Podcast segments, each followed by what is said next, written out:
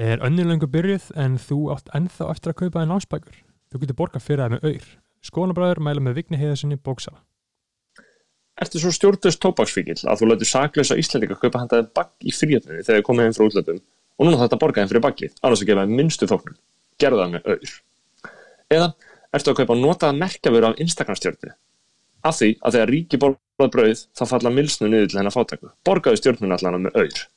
Síðan líka verðt að minna það að ef þú ert að kaupa þig miða á 101 Festival þann 15. februar af því að þú ert gún eða af því að þú ert þrítugur en finnst ennþá vera mikil groska í íslensku rappi þá getur þú nota auður í það á tix.is Bókmánarinn sjá forlæðinu er brúin yfir tangagötuna uh, Glæni í skálsa eftir Eirík Örð Nordal uh, skáld sem er okkur uh, mjög að góðu kunnur hefur gert svakalega hluti og núna komum við nýja bombu inn í já, þetta litla bókaflóð sem er að vera hérna til rétt eftir árumót. Einmitt, þetta er sem sagt uh, Ísfyrsk ástarsaga úr samtímanum gerist á Ísafyrði sem uh, er frábærstæður ég, mér finnst alltaf gaman að koma ángað en þér Já, ég bara dyrka hennar stað, dyrka hennar höfund ánæg með þessa bók, maður getur fengið hennar á 2990 krónur sem er bara í rauninni grín sko, Það er eiginlega ókeypis. kostar nýja skáldsögur 6 skall, 7 skall. Þú getur fengið á 2990 krónur hvort sem það er á rafbók eða á kilju. Mhm. inn á forlægi.is, getur smelt inn inn á rafbókina lesa hennar, verið aðeins með á nóturum Það var nákvæmlega sem ég gerði. Bókmyndir Það var nákvæmlega sem ég gerði, las hennar af bók skemmt mér mjög vel. Og var þetta ekki bara fallið bók, varstu hrifin? Ég var bara mjög hrein og ég bara mæli með fyrir skoðanabræðarlægið að checka á þessu. Sjálfur ætlaði að næla mér í hana smellin hennar rafbókina og lesa hana henni í Berlín. Uh, mæli með að þið gerir því sama. Bókmánarinn sem forlæðinu brúin yfir tangagötuna eftir Eirík Örð Nordal. Skoðanabræður eru í samstarfi við sambandi 101, símafélag framtíðarinnar. Skoðanabræðar eru í sambandi Eh, við sambandið. Sambandi við sambandi Aha. uh, Í gegnum okkur þá getið þið fengið uh, 60 gigabyte frí sem er í rauninni fucking viðbjörslega mikið á interneti sko. er bara með því að skrifa kóðan skoðun þegar þið pantið simkortinn á síðinu ég er inn á síðinu sjálfur núna það er ógeðslega einfalt að íta bara takkan og gera þetta og fá í rauninni bara geðað mikið að fríu símadóti sko. Einmitt, og af hverju myndið þið ekki koma yfir í sambandið þegar þið þurfa að vera í símfélagi? Og það er bara bókstálega sannað að sambandið er með bestu dílana og er ekki bara með bestu dílana heldur er það líka með afslátt fyrir skoðanabræðarlægið Kóðin skotun þegar þið farið að panta simkort og það var þetta gott. Farið inn á F7 sambandsins og notið kóðan skotun fyrir ókipis 60 gigabyte þegar þið komið yfir í sambandi.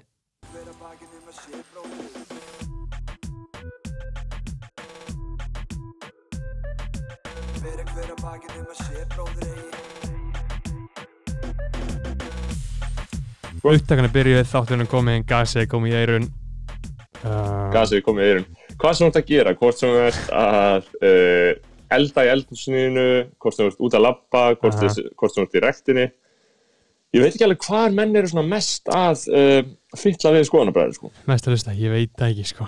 Það fyrir bara eftir. Uh, ætla að segja bæði í rektinni og þegar menn eru á stíðanum að brenna ég veit ekki hvort það sé svona sporti fólk sem er að hlusta okkur það er kannski að hlusta okkur svona íþróta podcast Já, já, það er að hlusta á Eh. eitthvað svona Það er að hlusta eitthvað heilsu podcast sko. Mér finnst áhugaverð sko þegar fólk er bara bara að hlusta á hlaðvarp skilur þú veist það er bara ekki að gera neitt annað það er bara situr og hlustar. Já, ég, ég, ég byrjaði að gera það uh, Tölvöld meira en ég gerði áður sko Eins og ég gerði aldrei hvað, veist, hvað er þess verðugt að þú, að þú neytir efnisins með þeim hætti? Ég meina, hvað er Það þarf að það vera Það þarf að vera, skilur Það þarf að vera bara fullkomið, skilur Ég skil vel að, nota, að, að lesa bók með þeim hætti, sko, en, en, en hitt finnst mér svona full mikið að góða, sko. Já, Eh. ég, ég held að uh, Ég er svona þróast hjá mér Þegar ég finn eitthvað sem er það gott Þá langar mér bara til þess að uh, gera ekki neitt sko. drastlið er illa framleitt og umleitt og skoðan að. Nei, ég er að djóka, Ekki er best að að tala það. hérna Ég er ekki, illa um, um framlýnsættiltin okkar ég, fer ekki, ég fer ekki ofan að það. Nei, ég er ekki að tala um framleiðslunni, ég er bara að tala um framleiðslunni okkar, sko. Þú veist bara hvað, hvað, hvernig efni við búum til, en ég já. fer ekki ofan að því heldur. Nei. frekar en ég hef gert áður að þetta er fremsta hlaðarplansins. Ég, ég raunverulega meina það, af því að við, þú veist, fjölbreytt og, og gott mm, og uh, ókipis fyrir ykkar eru. Herru, Einmitt. þarna við vorum eftir að tala um, hvað er fyndið ef að, ef að, ef að mín hlið myndi takast, myndi ekki takast upp, en þín hlið myndi takast upp. Akkurat. Við, fyrir Eh. hlustundur þá erum við sem sagt að prófa nýja tækni. Já, eins og heyri, það er hljóðbylting í gangi. Að Ég vænti þess að, að gæðin séu uh, öllu betri en þau hafa verið Aha. uh, hinga til og, og þetta er náttúrulega mikið fagnarefni fyrir skoðan bara leið en betri gæði á, á þessu góða. Þú ert örgulega að velta fyrir hvernig ég endaði þessari stöðu. En betri gæði á þessu góða hvað segir hann þegar uh, hljóðgæðin eru eftirvill verri en nokkur sinni fyrr. Förum aftur til ársins 1995 þegar uh, hjónum í Vesturbæi fættist drengur uh, sem síðan fekk nafni Bergþór. Nei, ok, þarna, ég er að djóka, þeir eru náttúrulega alls ekki verstu hljóðgæði sem þið hefur hýrt, það er ennþá mjög góð. En fucking slögt á þessu fucking lægi núna fyrst að tilvísinu er komin maður.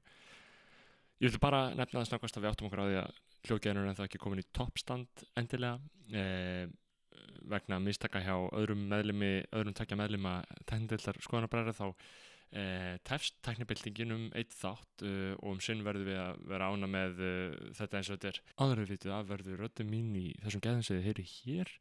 Við höldum áfram með hann frábæra þátt og hver veit nema ykkar býði sprenglar bókmyndavísun hérna eftir nokkra sekundur Nei, en ég vil segja, skil, ef mín hlið myndi ekki takast upp, þá væri fólk fyndið að, skilur, posta bara annari röttinni og segja myndi fólk bara fylla í eðirnar. Af því að hjá mér bókstala heyrist ekki í, í mínu upptöku heyrist ekki í þér.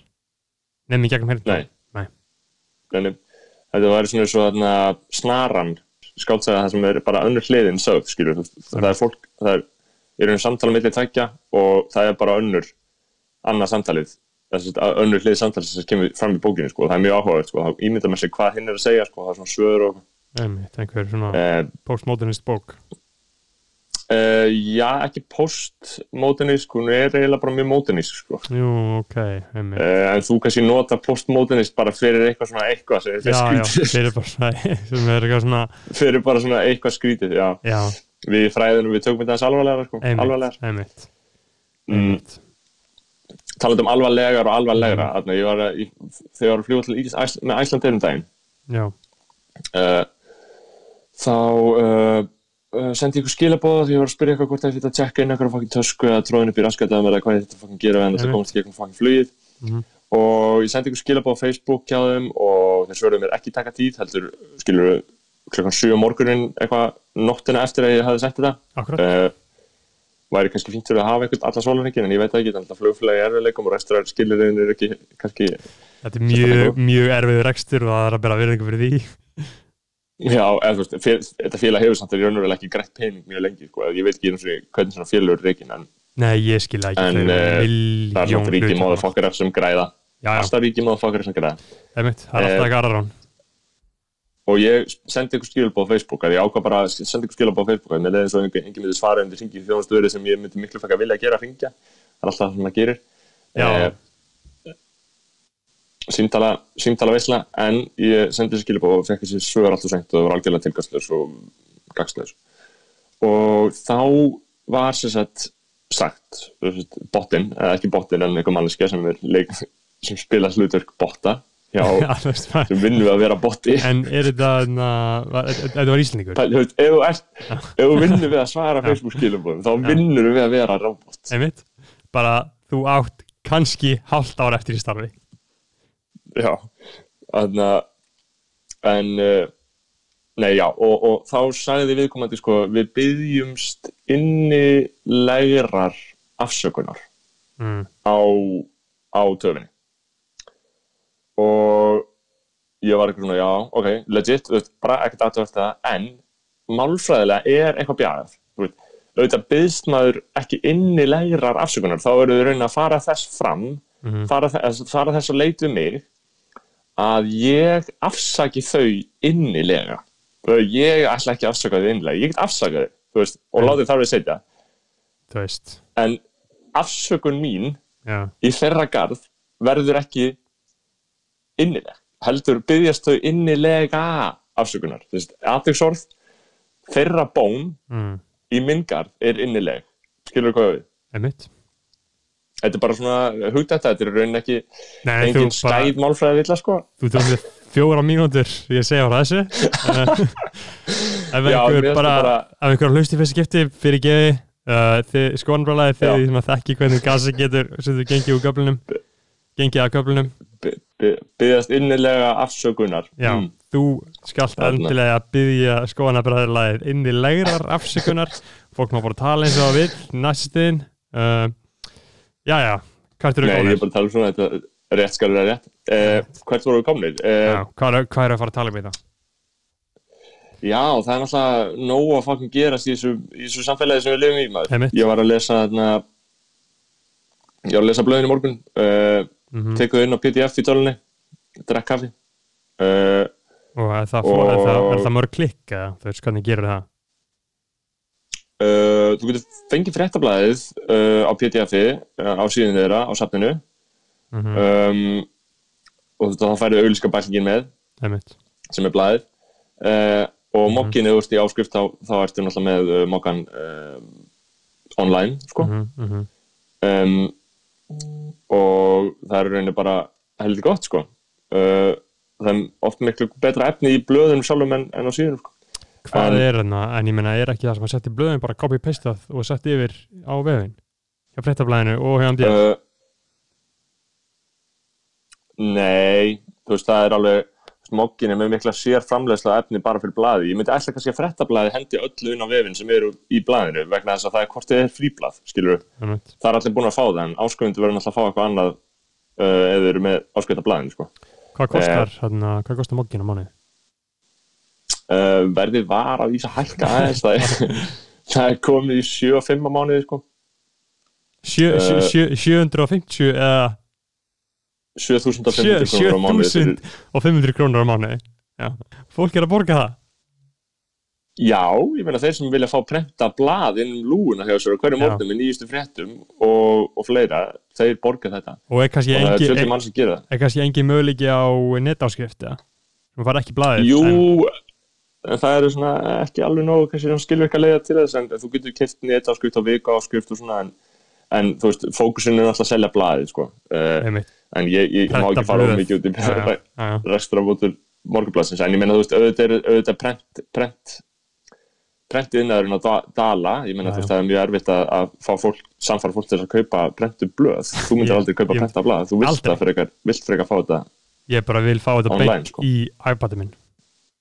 Já, en uh, en uh, þetta er uh, en já, já, það er, er ímyndlega frétta. Ég meina, þú veist, það er það er áfram þessi svakalegi vírus. Núna Já. er verið að uh, það er sömulegis búið að vera mál vikunar hann með krakkan sem átt að senda úr landi. Já, Eh, Múhameð í Vesturbæðaskóla Áslögu Arnar spreyjaði nokkur með mótjum á hann og hann fyrir Einmitt, uh, fleigði nokkur um bara let prenta út nokkra aha, aha vippaði með svo frisbítiskum í áttina krakkanum sko. Mhm. uh, og og þarna ég, ég, ég, ég fer að halda að þetta sé að þetta sé einhvers konar bragð í, að að það sé bröð í tabli af hálfu þessara innanríkisráðherra þar segja dómsmálráðherra uh, að svona ok, það er allir frekar ósáttir með að við séum að fara að senda hann að leysla krakka sem er búin að vera hann í tvö ár og kann íslensku. Einmitt, það er svo fucking sjúkt. Það er tvö ár, þú kannt íslensku. Bara, heyrðu hvað það með, þú ert að fara aftur til fucking Pakistan. Mhm.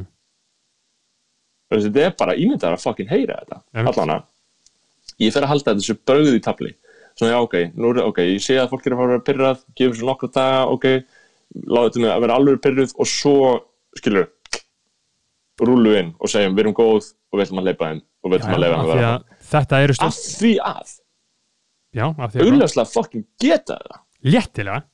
Léttilega. Það er engar fucking reglur Nei. sem þau þurfa að fylgja. Þau reglur. Ráða landinu Þú Áslu Arna þekkir einhver, ma einhverja mannsku sem er bara inn á bankareikning ríkisins. Ég er alltaf bara bankareikning ríkisins. Bara já, borgum þetta.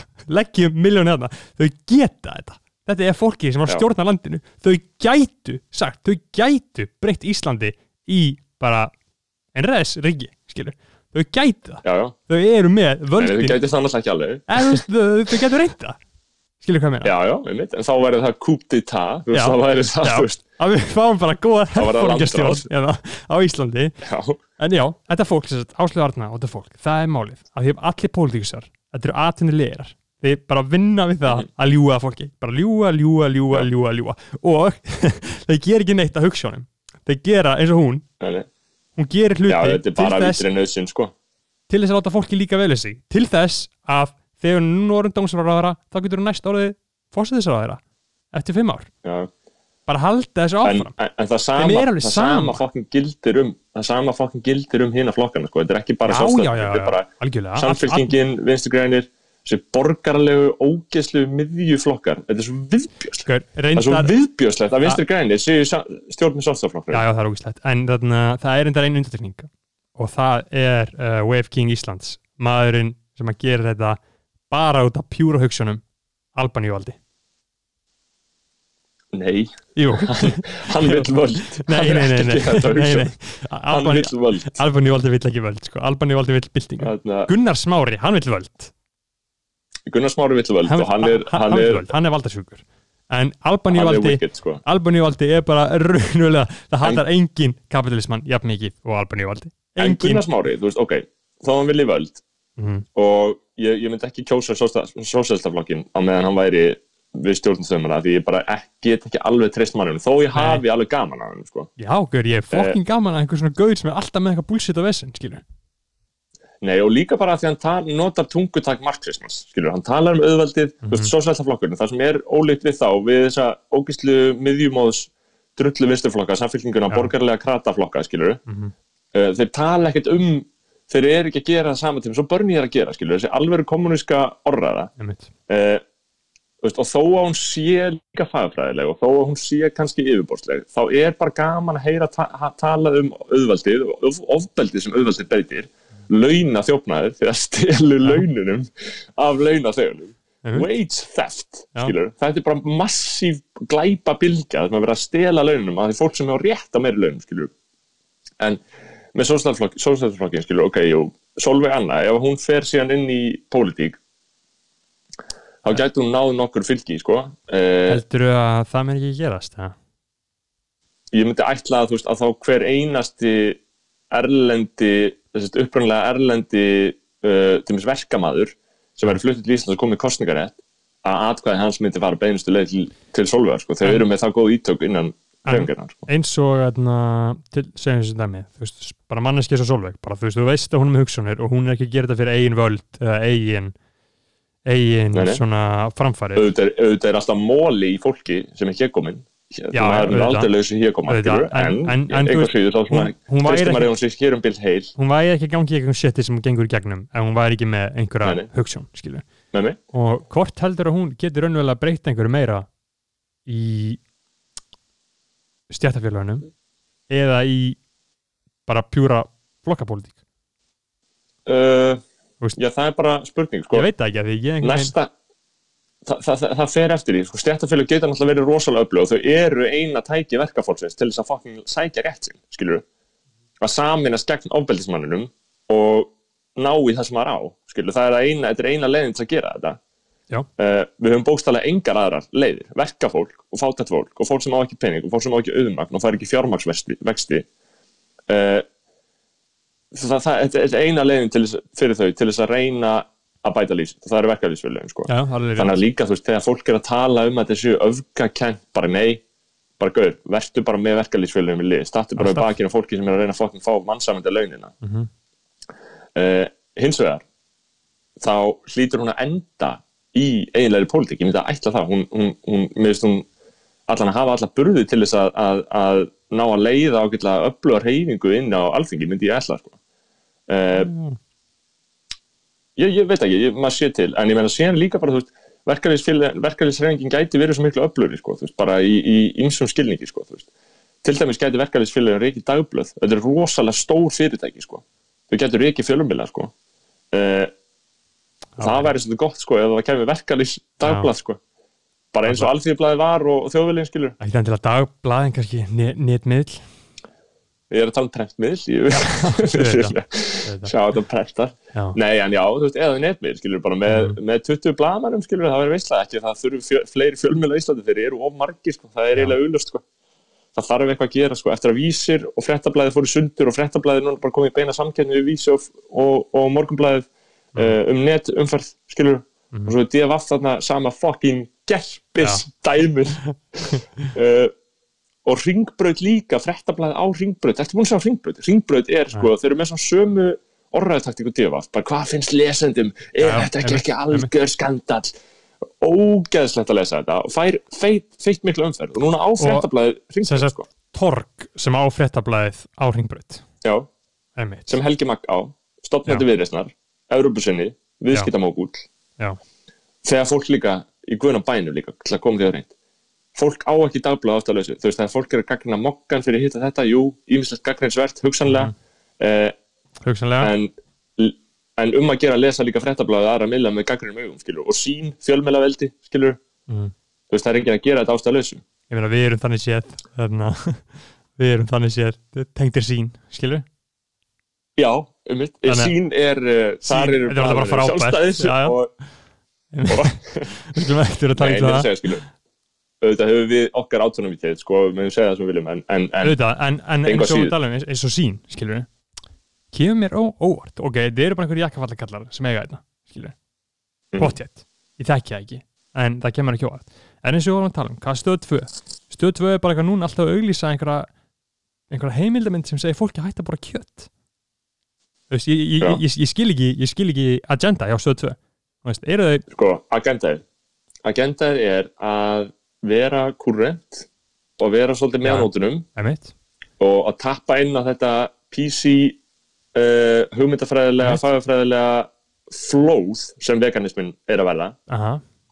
Mér líður samt þess Eh, að fólk sé eins og að sé smá dögt, sko. Að það sé eitthvað baklas já, m- málið er þetta er fucking tíska. Já, já, ég, þetta mun, þetta mun breyti einhverju Já, en, en, en, en það, er fucking fagafræðileg tíska. Það sem að borða ekki gjöt og borða ekki grammiti borða Já. ekki dýraafurur er að gera það út af fagafræði af því að þau vilja líta út á einhvern ákveðin hátt og þau vilja að lífstílinn sinn representeri eitthvað. Sko, ég vil meina að að þessum, líður svona smá núna eins og allir sem að myndi ekkert að verða vegan eða þetta bara kjött væru búnir að því, skilur og þeir sem að ennþá eru Mm. bara eitthvað að borða rautt kjött, skilur bara grilla steik, já, bara pepperoni. Þeir eru að fara að gera restina af lífið sinni, skilur þeir eru aldrei að fara að breytast. Ég held að ég myndi aldrei hægt að borða kjöt sko, en ég, hef ekki borða kjöt upp þessu ári fyrir þetta einu sinni reyndar.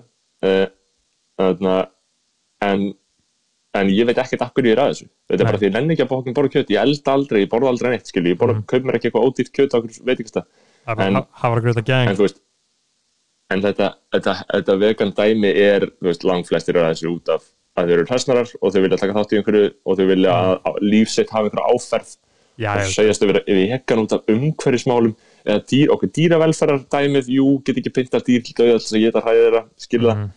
umferð, nei, umhverfis aaa, tæbröksemt ef þér væri Jú. svona endum umhverfi þá væri að gera aðrar ástafanir um, um leið, sko. Nei, nei, já, þú var að gera aðrar ástafanir með þessu. Já, ég er að segja um leið, þú, þú væri ekki bara að gera þetta en að halda áfram að keira jeppaðinn og halda áfram að fljúa nýju sinnum á ári þú veist.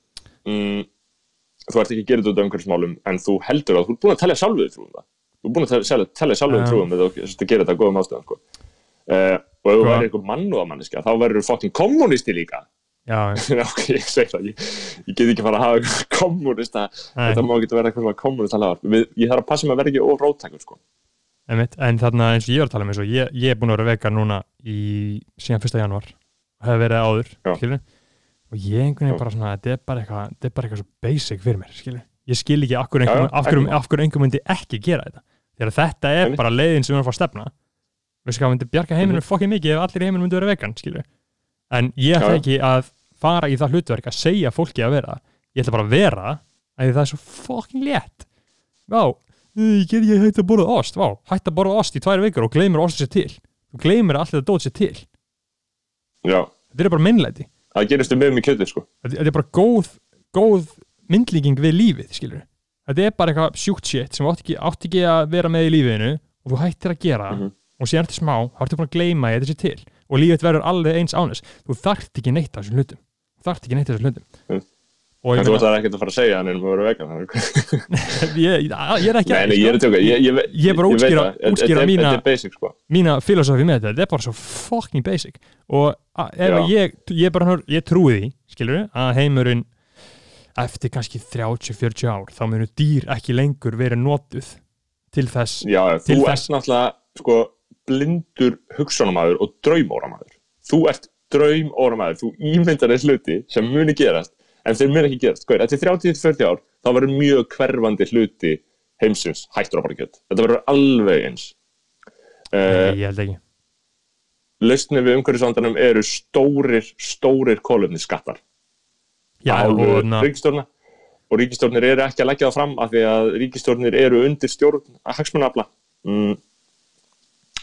þannig að þar leikur hundurinn að einhver leiti grann en- já, maður segja. En en nei, nei, veist, og ég er ekkert eitthvað anti-vegan aktivisti ég borða ekki kjöt. nei, en ég er að segja að það er alls konar apaheila sem er að stökka á vagnin og en það er aðalút og sem fólki, fólki, vant að trúabröð, skilur farið í kirkju, lifað upp á landakot og bara allt í einu kynnist í katholsku þessu er svo vegan. Já, já, farið í fokkin katholsku kirkjuna trúa farið í katholsku kirkjuna jafnvel bara þjóðkirkjuna, farið í neskirkju góð stefning þar Nei, það er náttúrulega ekki hægt að vera í fokkin kirkjunni þetta er svo ókvísli stefning maður. Þannig að Geggjustefning. þetta er svo fokkin dörfti sko. Uh, hvar, hvar, hvar vorum við, hvað vorum við að tala um? Við vorum að tala hvað voru að fokkin Já. tala um, maður? shit maður, við ekki verðum- við verðum að reyna struktúr þetta aðeins betur en það okkur sko. Nei, nei, þetta er, þetta er, hug, hug, þetta er vitundaflæði stanslist vitundaflæði þannig að ég var í ammæli í gær þannig að förum voru einu í annaðina já, uh, nema þú hefur haft eitthvað sett að tala um en, en, en ég fór svo ég var, að- ég var að fara í ammæli í gær og ég var að fara í ammæli til uh, þýskar vinkunum minnar og mér langaði að gefa henni einhverja gjöf og ég fór og kifti, ég hugsaði ok, ég ætla að kaupa bara eitthvað eftir Lagsnes á þýsku skilu Mhm. uh, bara einhverja bók þannig að hún getur lesið það er fokkin fallegt að kynnast einhverju landi smá í gegnum það að lesa bara eina já, skilurðu. já, mm, bara, þú veist, ef maður hefur eitthvað smá áhuga á einhver landi, skilur, að taka eina skáldsögu þaðan, það er bara alltaf veistla, skilur þetta er eins og nú er ég að lesa Murakami, skilur, bara já, smá Japan. Mhm, uh, uh, vel að merkja, það er bara fínt. Ég hef aldrei lesað Murakami áður, ég lesa hann fyrst núna og hvað er bók? bara fín, sko.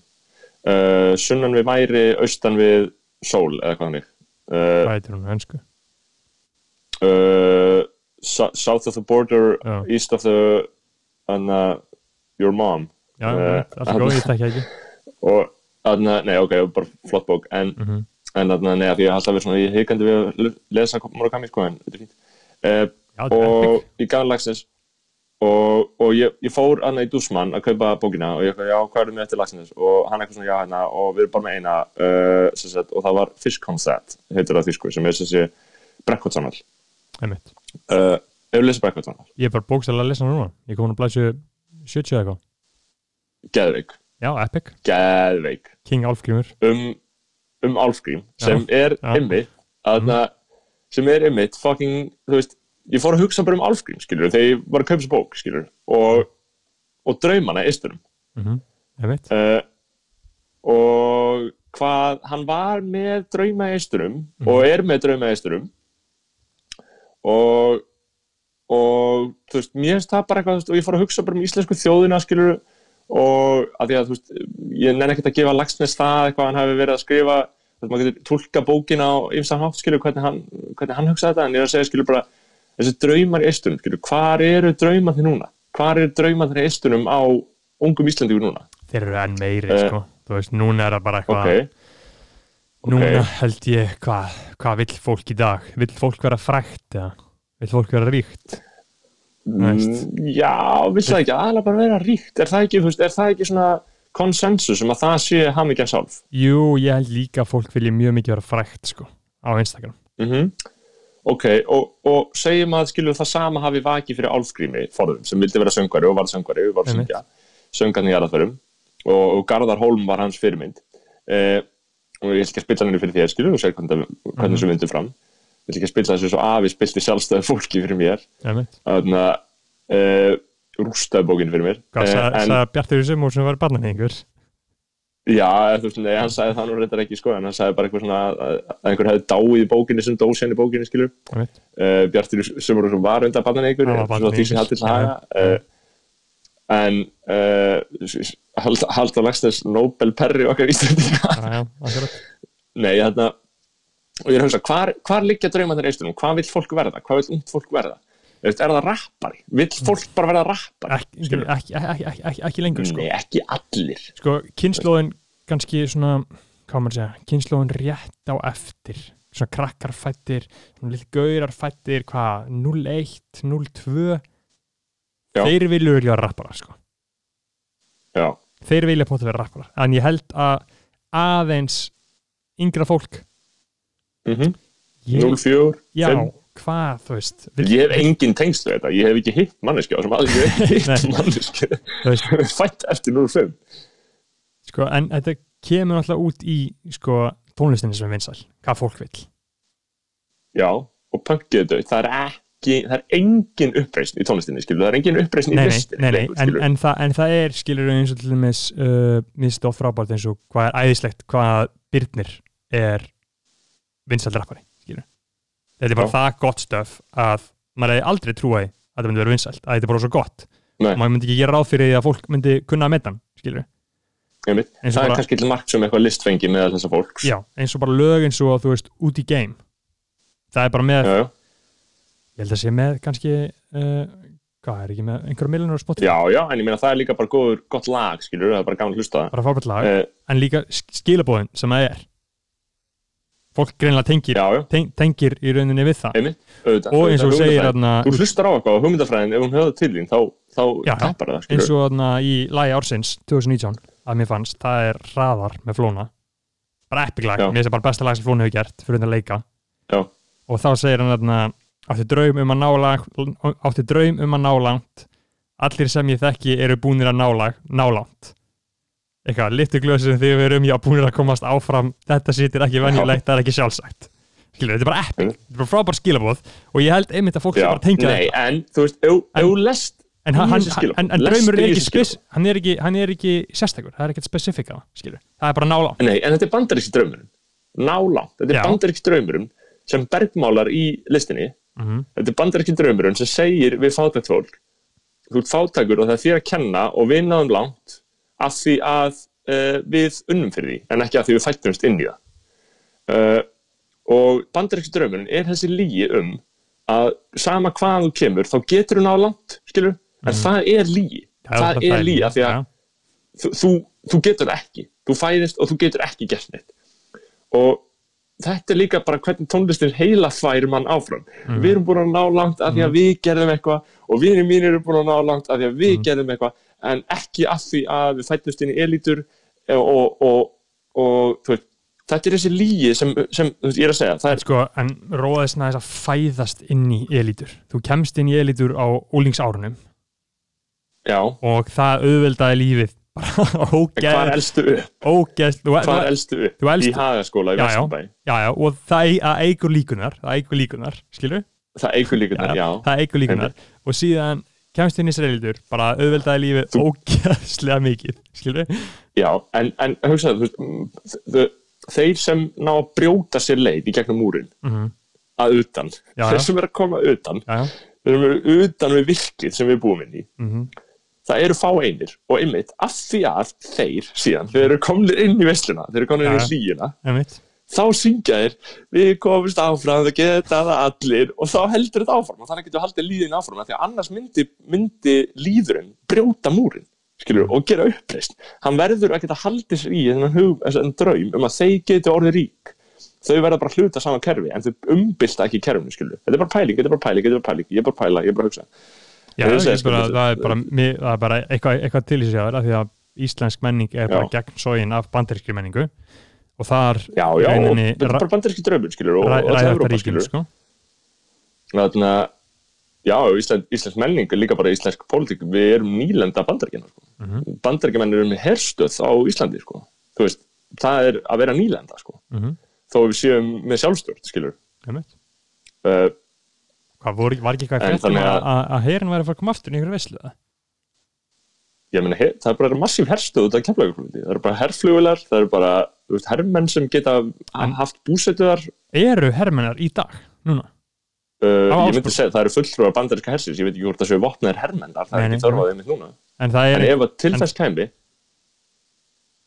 en það eru einhver sem er bara veistla, ég meina, ég held að flesti séu brána með að vera undir, undir verndavæng bandaríska hersins, sem er sko bandaríska herin er bara um að vera síðustu ár, er hann búin að vera að margfalda útgjöld sín, hann er bara að verða sterkar og sterkar, Mm. skilur, það er ekkert eitthvað svona chill í hernaðamálum, skilur Mhm. og við erum hluta þessu um, Já, En minnir að- mér minnir að bandaríski herin eigðir sem sagt uh, tíu sinni meira tíu sinni meiri pening í bara, bara með þannig tíu það. sinni stærra budget en það sem er næst fyrir neða sem er Kína einmitt.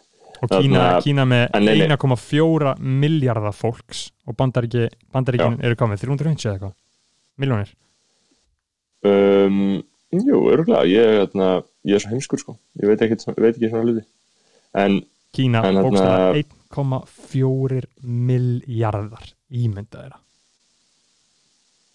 og allir lokaðir inni núna, það var einhverja degi í Hong Kong líka. Já, þannig að þetta er, þessi veira er svakaleg sko. Já mér byggðu spítal á tíu dögum Xi Jinping veist, má eiga það casually casually hendi spítala já, uh, við ekki byggt landspítalan á tíu dögum það að væri fangið veistla ég held að þetta hafi verið eitthvað lélög brandar á Twitter sem að sagði einmitt þetta sko ú, ok, einmitt, þannig að ég var einmitt ég, Einmitt. þarna, ég fekk sömu ömuleg hugmynd já, gott að vita sem er umöðlegu hugmynd en ég lesa þarna Þarna. uh, fucking episka bók sem heitir uh, Kínamúrin eftir Já. Hulda Breiðfjörð er mín svona helsta, helsta fyrirmynd þessa dana. Uh, og þá sagt, þetta er bók sem hann skrifar árið 2002 eða 3 og hann gengur uh, gengur allan Kínamúrin hann fer til Kína í þrjá mánuði og bara gengur meðfram öllum Kínamúrinum og bara talar ekki stakt orðið kínversku.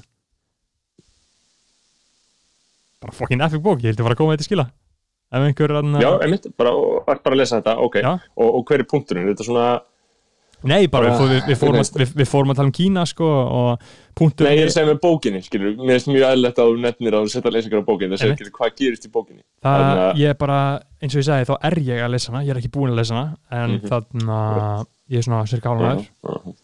og hann sem sagt fer hann að labba með fram Kína og skilur ekki neitt og þetta bara setja þetta smá í samingi fyrir mann hvernig er að færast núna og hvernig er að færast þá, skilur hann er hann bara bókstæða, er ekki með Google Translate hann er ekki með Google Maps. Google er ekki aðstofan Google hvað sem er ekki bannað í Kína en þú myndir fá eitthvað, þú myndir nota eitthvað annað. Já, þú hefur engar, enga fórsendur til þess að lifa í rauninni af þarna, sko. nei, þetta er, maður nota Google, maður nota Google í svo fokkin margt, ég er alltaf inn á Google Maps, alltaf að skoða eitthvað, Google þekkir mína Já. drauma, Google þekkir eistun á mér betur en ég. já, já. Uh, en það er svo leið, það er bara veisla. Einmitt eins og ég, þegar ég fekk hana, þegar ég fekk uh, þá uh, flögu í hausinn svona núna í byrjun janúar eða eitthvað mér langaði að skipta hann til Asju skilur, langaði að byrja í. HÍ og fara beint skipta hann þá væri ég fokkin mikið hana, þá væri ég fokkin mikið bara að googla bara á Google, bara að skoða Google Maps láta mig dreyma bara um Japan og Kína Mhm. og allt þetta.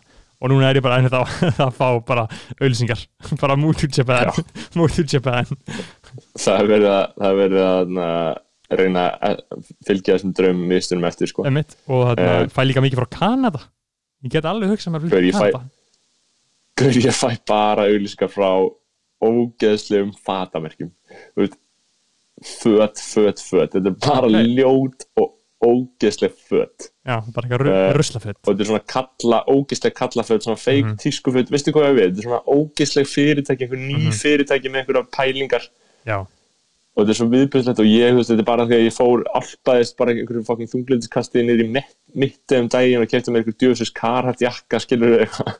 Einmitt. Það er ekkert lúsalega en ég í karhætt jakka. Eða mér finnst það bara alveg lúsilegt þegar þú gerir þið ferð skilur, Já, af því mér langar bara nýjan jakka og, og, og svo kaupi ég mér nýja buksu bráðum, ég farin að hugsa um buksur skilu, Einmitt. og ég er svo ógíslega vítarhingur sko. þetta er ógæslega vitinningur Já, en þú ert náttúrulega draumor á maður og ég hef nefnt, þú ég, vilt snúast, snú, snú aftur. En að því að ég bókstælega nota tvær, tvær peysur. Ég nota flýspeysu og síðan nota ég uh, klöpt upp hættupeysuna það er bókstælega einu flíkunda sem ég nota og hef gert það bara allan januar Ég held ég hef ekki farið í uh, farið í aðra og síðan notaði tvær buksur ég nota svona semi-snjóbuksur og gallabuksur Mm. Þetta er bara sem þetta nota. er í rauninni betra, betra kerfi en mitt, sko. Því þú ert með bara svona tvö sett af allilega fötum, Já. skilur? Mhm. Og menn ég er með alveg svona sjö mismöndi sett af mjög ljótum fötum. Já, bara ógislega Veist. fötum Yfir burða bara, wow, ég veit ekki hvernig fokkin ljótum fötum, maður. Bara hvernig fann hann þessa fokkin ógislegu peysu. Og, fann og hvernig er peysan á litin. Hvað fekk hann svo ógeðslu skiptu í toppmann svona gul, þannig gul að, brún og köplót uh, Ég mæli með ég þessu ætti kannski að, já, ég Þetta- ætti kannski að reyna með þetta. En, Þetta en heyrðu, það þú varst með eitthvað, þú varst með eitthvað dæmi.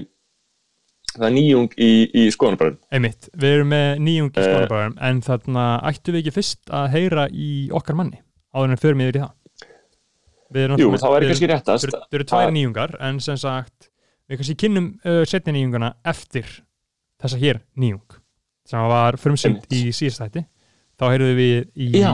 þá heyrðum Mhm. við í Otti Þórða skiptinema í Southampton.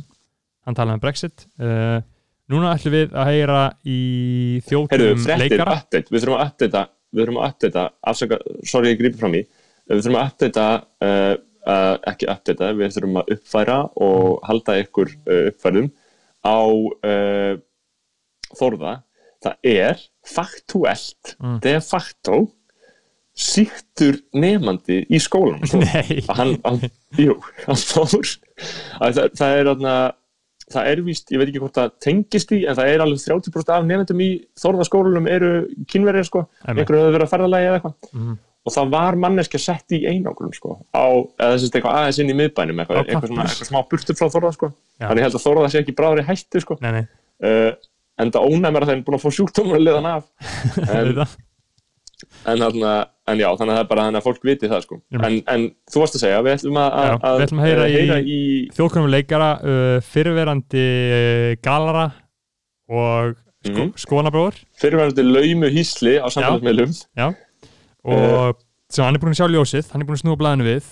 Uh, hann er skoðanabróður við byrjum mikla náður. fyrir þessum mestara, hann hefur komið í þáttinn áður uh, við getum alveg sagt hver þetta er sko, það, það er ekki eins og sem verið surprise við skrifum það ekki í lýsingu þáttarna þetta er sérst móla fucking dólkurinn þetta er þetta er stóri stóri móli, 100 kíló að stykki. Þetta er King Móli ég hef ekki, eh, hérna, ég hef ekki hitt hann ég, ég, held að hann, þú veist, ég held að hann sé fáralega miklu vandræðum að reyna að halda sig veist, eitthvað, hann er alltaf, ég held að sé alltaf í kringum svona 100 kíló. Hann er svo stór hann hann getur, að varð samt alveg frekar grannur um daginn, ég veit ekki hver staðan það er eftir Nei, núna, við sjáum það í videokólinu eftir að því að eins og ég var að segja, þá hef ég bókstæðlega ekki hitt mannin síðan bara ekkert mann í ágúst er rétt bara ára en ég fór til Söður Ameríku. og mann er líður eins og sé sem mikil fjarlægð að, að hann er ekki að samfélsmiðum að Einmitt. fann gasa fram henni mann daginn. Einmitt, og þannig ég bara hlagt til að sjá hann. Við bara þarna, tökum móla í byli og uh, sem komum við eh, aftur og kynnum inn nýtt konsept hérna í skónaböru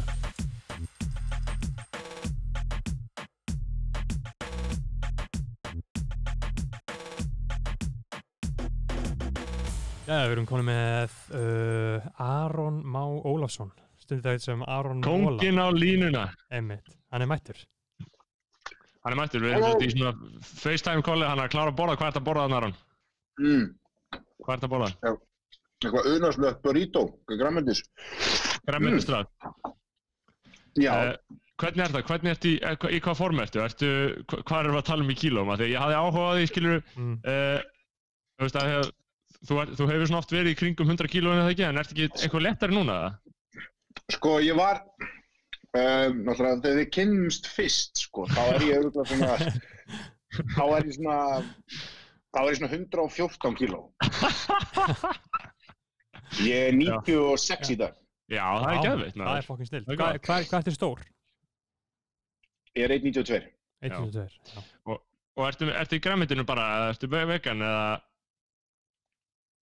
Um, ég er í, uh, nei, ég er svona, þú veist, ég flakka bara á milli. Ég Já. bara egg, þú veist, það var egg í þessu burrito hjá mér, sko. Mhm. Um, en ég, uh, ég er mjög, mjög opið fyrir öllu, sko, ég byrjar að elda miklu meira vegan, sko. Já, já. sama hér. það Eldar er enda bara aldrei. líka að mér, mér líður svo vel í maganum eftir á. Það er bara, það er eina, sko. Þú Já, erum bara líður, mjög, já, finn mikið mun, sko. Heyrðu Aron, þú ert búin að vera núna, sko, að því að maður er núna búin að vera með þig að tróða sig, þú ert búin að tróða sig, tróða þér inn á skjái landsmanna eh, núna, ég veit ekki hversu lengi, í mörg ár og maður er einhvern veginn ekki búin að geta að fara í stíma sinni í mörg ár og þess að andliti á þér fylli skjáin. Mhm. Já, já. Eh, þetta er búið að vera, þetta er búið að vera svolítið breyting. Hvað er í gangi? Ég bara, sko, ég get orðað þetta hannig, ég síðan 2011, það, ég reiknaði þetta út, ég er búin að eiga iPhone síðan 2011. Mhm. Um, sko, lók 2010, byrjun 2011, held ég. Nei, nei, lók 2011, sorry. Og ég var, uh, ég hugsaði þetta bara, þetta eru hvað, þetta eru nýju ár sem ég er búin að vera með snjallsíma í vasanum mínum, alla Mhm. daga, alltaf hlaðin, skilur.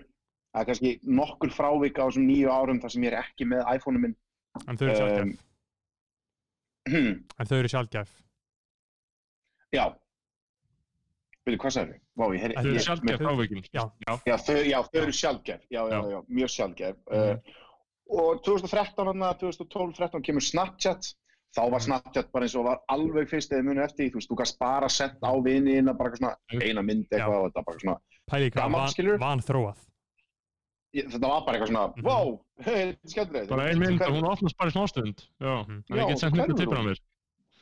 Já, um mitt, og svo fór allir að screenshota það og hvað. En um, í dag, þú veist, svo bara þróast þetta og ég sé þrónina og byrja að fylgja henni og hérna, og verð bara hérna í mitt Instagram eitthvað og Sna- Snapchat.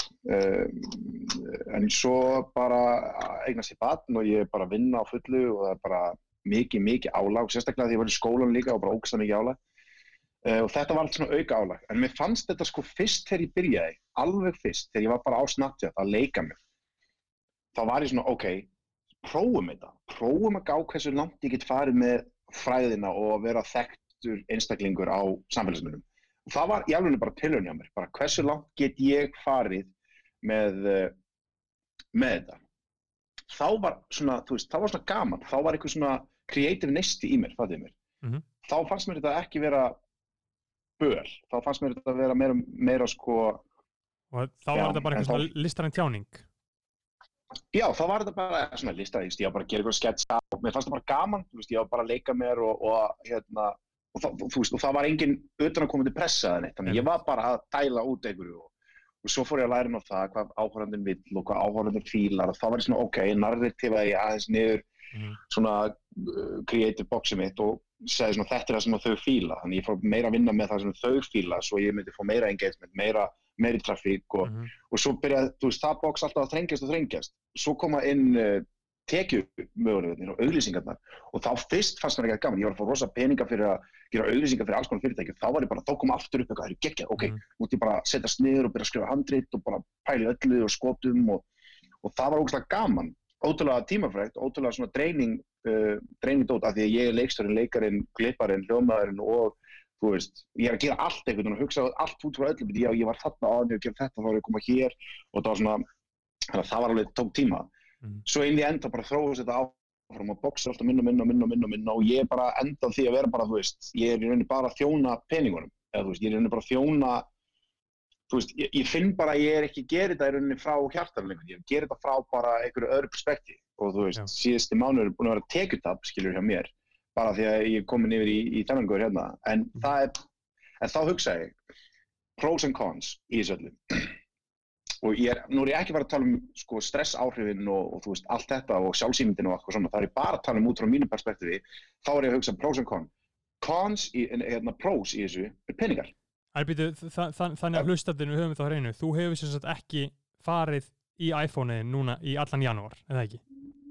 Ég veit ekki hvað það var búin að koma fram. Uh, einu, já, einu skiptin að því að ég er að nota iPhone-u minn, að því að við byrjum á því í fyrra, í Kæru Jelinu leikritinu sem við vorum að klára sína núna bara síðustu helgi, Mhm. uh, þá endaði þetta með því að hérna, ég var sem sagt, uh, ég, ég þurfti alltaf að vera með iPhone-u minn, þannig að ég kom alltaf með iPhone-u bara á Airplane mode skilur Já, og ég var búin að leiða mig bara það í tölvunum, núna er ég að tala við ykkur í tölvunum minni, ég var búin að leiða mig það að hérna, fara inn á messenger.com uh, og inn á e-mail mitt. Mhm. Þannig að þú veist, þegar ég kom heim á kvöldin og bara fór á messenger og var kannski með eitthvað message og bara svaraði þeim og svo bara búið, svo bara e-mail skoðaði það og þannig að þú ert núna bara með sko. Nokia 3310 uh, já, Höggfesta og ert laus við þetta.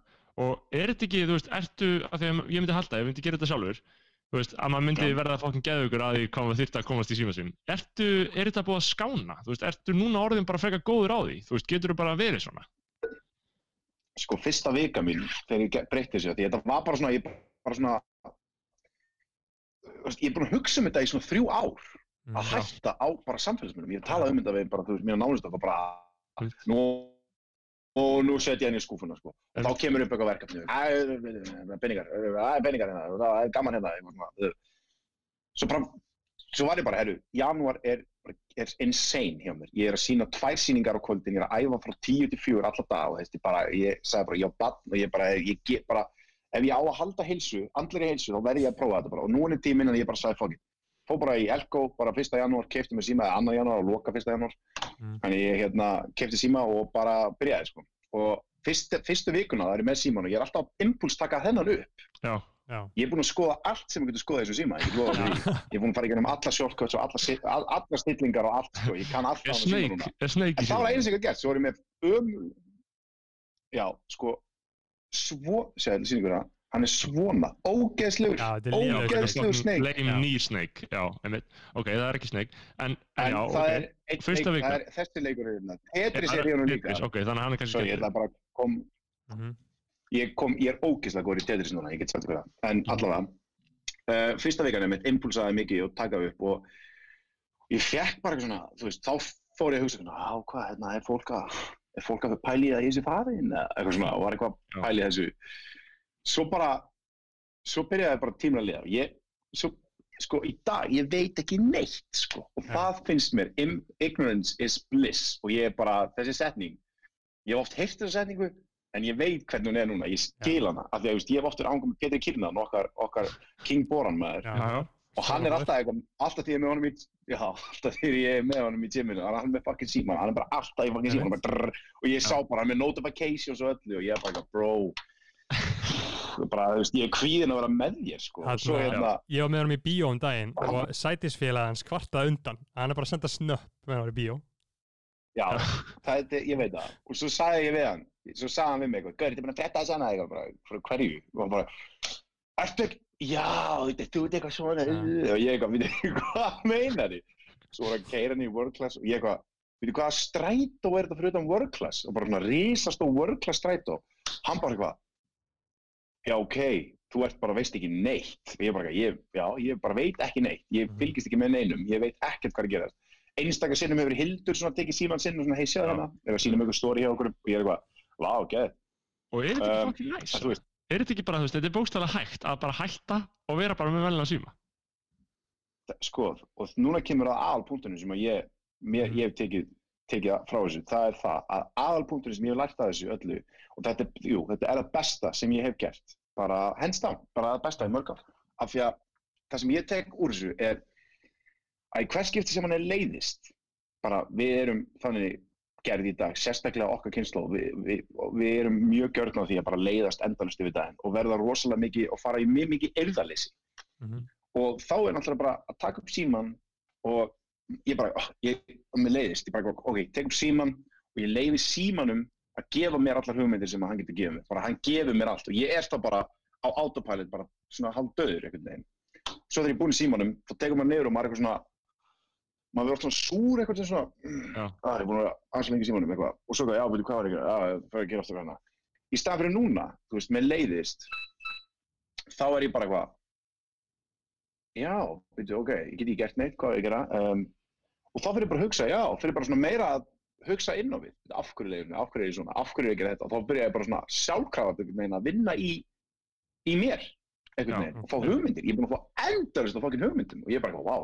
fá hugmyndir, fá og ég er bara, wow, mér störtlaðar hugmyndir, og ég er bara svona, já, búin að skrifa nokkar niður hugmyndir og svona, og, og pæla áður fyrir, bara ég að fá endurist að hugmyndum, en ég gaf þeim einhvern síminn drapa, síminn drepur það, fær ekki, fá ekki rými, það fá ekki rými.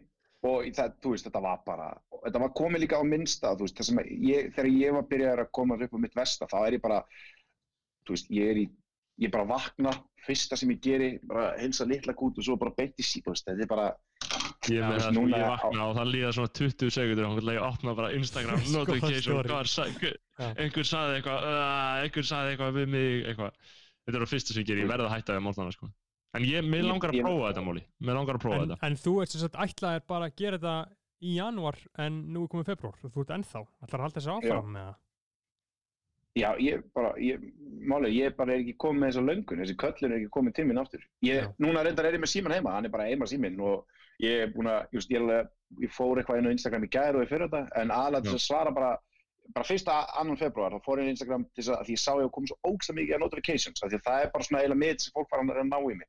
Þannig að ég er bara búin að vera að svara einhverjum notifications þar og Mm. eitthvað. Um, og svo núna í gær fór ég aðeins inn á Instagram og ég er ekki búin að íta, ég hef aldrei íta á story hann þannig að ég er svona var á Instagram var að svara ykkur um notifications svo prófaði ég bara íta okkur tvö stories og ég var bara, ég náði gegn svona fjóra ramma og þá er ég bara, oh, Já, þetta er eitur nei, ég nenn ekki að sökva ofan í bara, og mér fannst líka bara mér fannst allir vera á sama stað og ég skildi eftir við það og það var allir ekki bara nákvæmlega Þú missir ekki var neina. bara- Ég er búin að mjúta öll stóri, sko. Ég sé ekki stóri á Instagram, sko.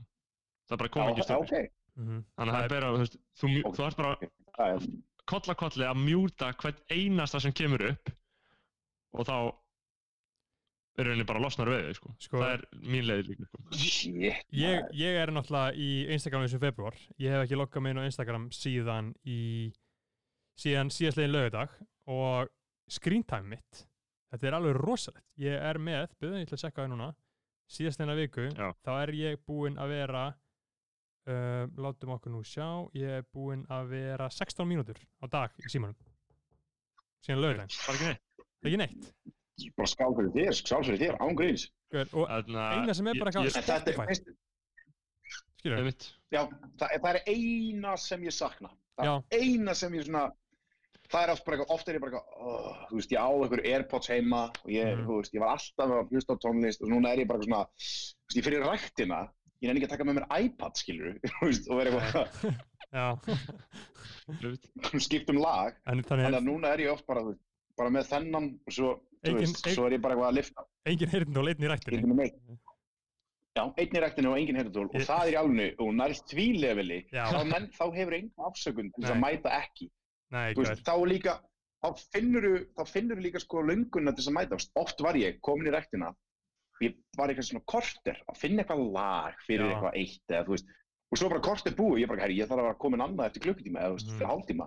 Núna, ég bara hleyp inn og ég get tekið hálftíma, 40 minna æfingu, geggja æfingu og ég er farin út ég, ég, ég, ég, ég, minnst sá, það ég, líka, minnst það alveg bara vera ég sá einhvern tímann tweet einhvern tímann að þeir sem er rættin ekki með heyrðin neitt þeir bara alveg einbeitir skilur það er eins og þess séu að æfa sig til þess að hefna einhvers skilur til að, að myrða mann sko Þeir eru að fara að hefna sín, sko.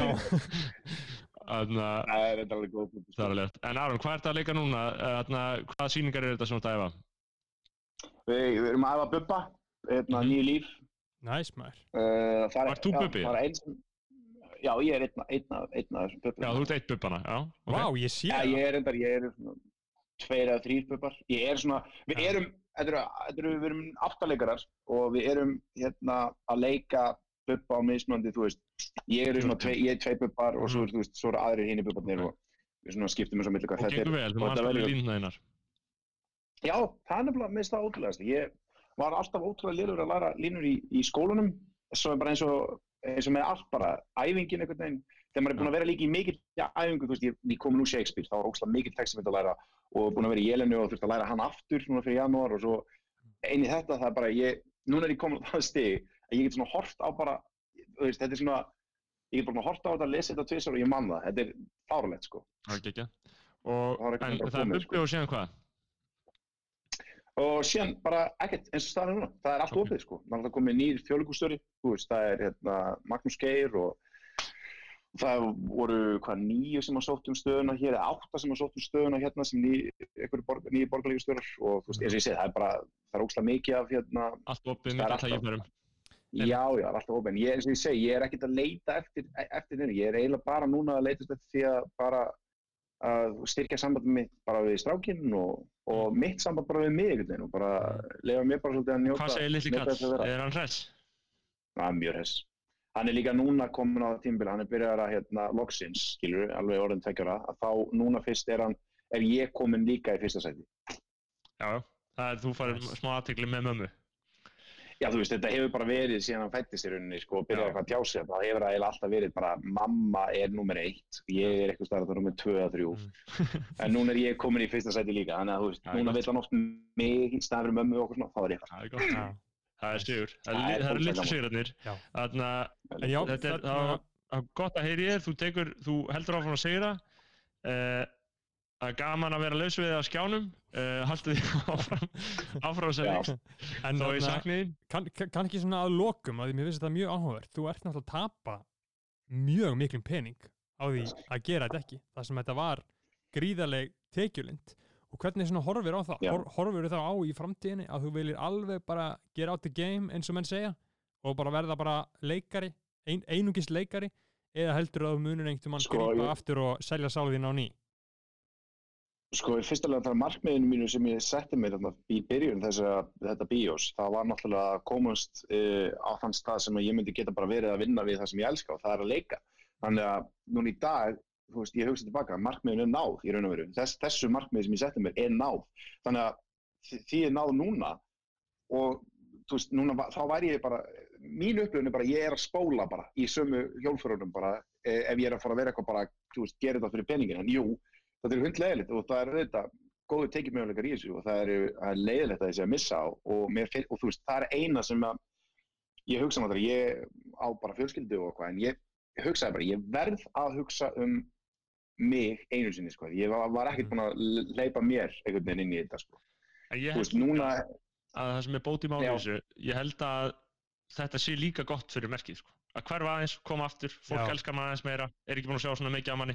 Ég held að þetta sé alls ekki Já. endilega skadalegt fyrir Aron Móla Enterprise. nei, nei, nei, nei, og ég, eins og ég segi, já, ég, og ég ekkert að pæli því eitthvað svona, þú veist, einmitt, og ég eins og ég sá, ég sá bara ekki fyrir þetta í gær, þú veist, en í gær, þá sá ég bara, þú veist, ég er ekki að missa neinu, það er allir að gera það sama og það er Mhm. bara, Það er faktið máli. En ef ég myndi koma aftur, þú veist, ég vil núna að þetta komi til mín, ég vil að köllunum komi aftur þessu upprunlega köllun ef ég ætla að koma aftur og þá með kannski nýjum formerkjum, þú veist. En, Það eru góð- en eins og ég segja, ég Það mæli líka með, ég, já, ég ætla að segja bara lokum, Að lokum, að síðast myndi segjum fyrir ykkur hérna gúnsat núti, vil, bara þú veist, ég, ég skora á alla að taka viku Já. og hérna setja síman í, góð áskorun, setja síman í skúfuna. Að Það er símann bara skúffuna. dag. og vera alvöru manneska. Og hugsa en ekki neita og þykja. Leifa sér að leiðast. Ég samla því Takk fyrir þetta, Armin. Heru, takk fyrir þetta uh, hafa það gott, bara laka til að sjá það, laka til að reykast á Ólafur. einhvern og við bara takk fyrir þetta Sem leiðist að koma mér. Bæjó. Við viljum bara þakka uh, móla manninum, kjærlega fyrir þetta þetta var frábært, gaman að heyra í honum. einstaklega ánulegt viðtal um margt án, á, áhugavert sem kom fram alltaf Mhm. gaman að heyra í okkar manni Einmitt. Uh, nú ætlum við að kýna til uh, leiks svona nýtt sem að við ætlum kannski að gera í næstu Þarna, við sjáum hvernig þessu vindur fram og hvort þetta verði ósiðsamlegt. Ég ég þekki ekki enn þá sjálfur alveg hvert, hvert, hvert, hvert umfang viðbjóðsins verður. Einmitt, við erum sem sagt uh, ef þú gerir hlustandi ert að hlusta sem ég veit að það eru svo margir að hlusta sem er ekki skoðanabræðlag Facebook-hópnum sem að er Mhm. uh, frekar pyrrandi ég ka- skammast fólk sín fyrir að hlusta og vill ekki það gæti verið svona eitthvað guilty pleasure sko. Ég- kannski eru sömur sem svona vil ekki kingja stoltinu og fara og byggja um inngöngu sko. Einmitt, Ég- látið þá einhvern félag eitthvað að ykkar inn skilu Já. það fattar enginn skilu og líka, ég, vi- viss, málið er sko þú veist að hver sem er getur að accepta hvern sem er í hópin þannig að ég er ofta ok, eitthvað ég fæ ofta eitthvað svona já, ég fæ ofta eitthvað beðinur eitthvað, oh shit, ég er ekki búin að samþykja þetta. Já, allir sem er í hópnum fá þessi notification sko, allir. Ok, en Mm. það er bara nefn og takja af. Mm. en þetta er svona, þetta er svona crowdsource dæmi. Já, þannig að skoðanabræðið bara stór uh, og opin hópur, hleypur öllum inn. Ekkert exklusíft hér engin elita Nei, nei, og líka bara veistlu, veistlu aktivitet og, og nýjustu upplýsingar um skoðanabræður inn í hópin og, þa- og um, það er sem sagt kynnti uh, nýsköpunar og viðskipt og þróunardeild skoðanabræðara svona outsource Henni hefur vel að merkja að vaxir viss fiskun hrygg, Einmitt. það eru 15 starfsmenn í fullt starfi. Þarna, með, með útibú í Borgatúni þannig að Reykjavík Startup. Þannig að feikum svona feikum nokkra stafsminni hann stálum nokkrum Þeir eru, með, þeir eru á svona Reykjavík startup og þeir strákandir í nýsköpunardeildinu þeir fara alltaf á djömmin á staffadjömminu og alltaf á staffadjömminu með startup fólkinu sko. fólk ríður svo mikið á staffætjum já, uh, fólk ríður mikið á staffætjum ekki í startup heiminum heldur, jú kannski en í, í það veiting, þyrftir að veit, ræða það veitingabransin maður. Það er fokking veitingafransin, Já. það þyrfti að ræða staffadjams kynlífið sem við stundum staffadjams þú veist, við erum að tala um bara eftir vakt shit, skilur, þú ferð á vakt og svo ferð á djamið og svo rimmar Gauð, það er sjúkt hvað er gert af því að það sko. Já, já, við skulum halda áfram. Þannig að þetta er sem sagt uh, form, enn og aftur notuðu Google ógeðslegasta fyrirtæki í alheiminum í þetta. Mm. um, maður veitur kannski að leita einhverju alternatív en við bara setjum okkur Google núna. Og þetta er samt Google form alternatív það fyrir sko, fyrir skoðanabræður já, og, þarna, og þú getur sem sagt sendt inn umræðefni bara eitthvað sem þú vilt að við tjáum okkur um Já, ekkert endilega umræðið, þú getur bara sendt inn skoðun eða aðtúin eða aðtúagrein eða það, það, það, það, það er alveg margt svona leiðildina sko. Skilur þú veist. Að Já. fólk náttúrulega er það svíður að mitt nafn hann eða já, já, þitt nafn er svírt, mitt nafn er um, Það er fucking auðming Þú veit get ég fucking um, nafnlaus á bak við skjáin maður Kemur á óvart að sé Já. verið að setja fucking svífinningar Ég maður. Ok, hvað er með eitthvað af þessu? um, ok, er þessu? er Ég hef bara- ekki séð þetta, hann er útskýrðum þetta þú verður ekki að segja þetta Þú veist, þetta er bara eitthvað, til dæmis ég bara eitthvað sem stendur bara eitthvað frábært hlaðvarp menn nei, bara takk, við bara leggjum okkur fram. já, Þetta getur orðið svona nýtt eins og þegar við taldum alltaf upp hverju voru að styrkja okkur. Það já. við tökum í tilkast þessar aðtöðasendur og segjum bara já, Einmitt. meistari. En, uh, og síðan hérna var stendur bara eitthvað bara eitthvað algjör árundum þess stendur bara hip-hop kultúr uh, ef fólk vil heyra eitthvað mann þá get ég mælt með hlaðvarpi sem að heitir uh, kaffbyrtingar hljómur Guðdósins það er farið yfir Alltaf er ekki að hafa þetta hljómbyrtinga kraftu guðdópsins og vera eitthvað að Nei, spila með orð nei, nei, nei, ég bara rugg, rugglaði orðunum saman sko. Já, einmitt, eðlilega, þetta er Já, náttúrulega skítið orð en kraftbyrtinga hljóm já, guðdópsins kraftbyrtingar hljómur Guðdósins komið inn á uh, allar uh, streyminsveitur við erum akkurat núna, það eru við nummer 11 í Apple Podcasts, gaman að sjá það. Mm. Einmitt. sko, Já, það er gott, ég, ég hlustaði að hluta þessu, sko. Já, það Eh, er bara gott það Jú, bara vissla, sko Já. og bara gaman að heyra, heyra þetta, sko. Uh, Ég held að, kem til með að klára þáttinn, sko. Einmitt, það, Um, maður er bara búin að fá gott, uh, gott feedback sko, frá svona, Já, frá góða fólki. Þannig að hip-hop kultúr þeim er Já. vísað þangað, Já. nei, auðvitað ræðið við hann líka en Já, já, það við ræðum eitthvað. aðeins eskilegra, þú veist þetta er svolítið algengt þegar við byggjum aðtöðsendir að, að þetta verður svolítið almennt, Einmitt, við getum ekki gert jú, ok, hip-hop kultúr, hvað er að gera við það? það Einmitt, og En við er, vorum nú að ræða það vel einu morgun. Einmitt, og síðan er einu annað, það, þú veist, sem að ég ætti kannski ekki að lesa upp, en þú veist bara, það er ógæslegt að menn sé að segja svona í nafnleysi, þannig að stendur uh, nöðgun Íslams á Evrópu og hvað þarf að byrja að berjast gegn því. Það veist. Það, það, það, það var einhver alltaf að senda þetta líka í augur, eða ekki þegar vorum þá, er, ég man ekki, man ekki hvort að þetta, þetta tilstæðið orðalega nei, einmitt. Uh, en, en uh, kannski er þetta um, einhver, þú veist, yfir sjötugsaldri og þá er þetta að nota þessi gamla merking skilur um, í merkingunum miðstyrming. En ekki þá bara ein, einvörðu kynferðsofbeldi en við gruna nú samt að þetta sé einhver písu sitt úlingur sem Já, er já. uh, að radikaliserast og er í þann mund að fara inn í skóla sem er byssu. Nei, Já, það er náttúrulega ekki, ekki gott grín heldur en uh, skólaskittur eru, eru vandamál Eh, þú veist, ég, Ég, ég, held að Íslam sé bara tölvert uh, æskilegri hugmyndafræði en kristindómur. bara eh, 100% Það er kannski mitt svar við þessu. Já, það væri bara í raunverulega æðislegt ef það myndi, myndi aðeins finna fyrir áhrifum Íslam hérna í Evrópu og það myndi aðeins breyta Mm. svona okkar viðbjóðslega menningu að vilja bara græða pening og, og veist og fokkin, Já, ég, ég, held að, ég held að menn séu mjög villir, villir vegar ef þeir, ef þeir telja Íslands í einhver raunverulega ógn. Ógnin sem, sta, stað, sem, sem, sem stedjar að Evrópu er öll komin frá henni sjálfri og hennar nýlendu stefnu og hennar ofbeldi kakvart náunganum og hennar samböndum við bandaríkjum og þeir, þeir tala um þeir tala um Evrópu þá erum það líka bara að tala um vestræn ríki skilur Mhm. eh, og þar er vandinn sko, vandinn er ekki að Íslam sé að ógna einu öðru held ég sko, það mitt Íslam er veisla Íslam bara assalamu alaikum, Allah og akbar uh, og eru, eru fleiri svona nögunar aðtöðsendir hérna Mm. mm. eru menn bara Hérna- annars slakir eða Já, já, menn eru svona nokkuð slagi sko, hérna er spurt, er það satt að Snorri sé nasisti? Uh, já, hann er uh, Mm. virkur í AFD en Já, er það satt þessi nazisti? Uh, nei, það er náttúrulega ekki beint satt, sko, en uh, ég, ég, þarna, ég kýs að vera ekki kallað nazisti, ég, jú, vissulega held ég upp á þjóðuleg gildi og Æ, nei, nei, uh, ekki, ekki segja þetta það, er, það, er, það er af og frá, sko, en, en ég, ég er áhugasamur um hvað veldur því að, að ungi kallmenn flækist út í þennan viðbjóð, það er eitthvað hugmyndafræðinni sem höfðu til þeirra. Einmitt. það höfður ekki til mín eh, en auðvitað er þetta samt svona æsandi viðfársætni sko, hversi, hvernig hvernig er hægt sko að því að líka, þú veist, ef þú hugsaður út í það ímyndaður að vera stoltur á landinu einu bæði við erum ekki með mikið af þjóðutinnum á Íslandi. Jú, jú, Eh, þú veist, það er ógæst nei, ekki alveg þjóðutinnum ekki svona eins og þú serð í Nei, nei, nei, þú ert ekki með Deutschland sko. Þú, þú, getur ekki með, þú getur ekki verið patriot, skilur.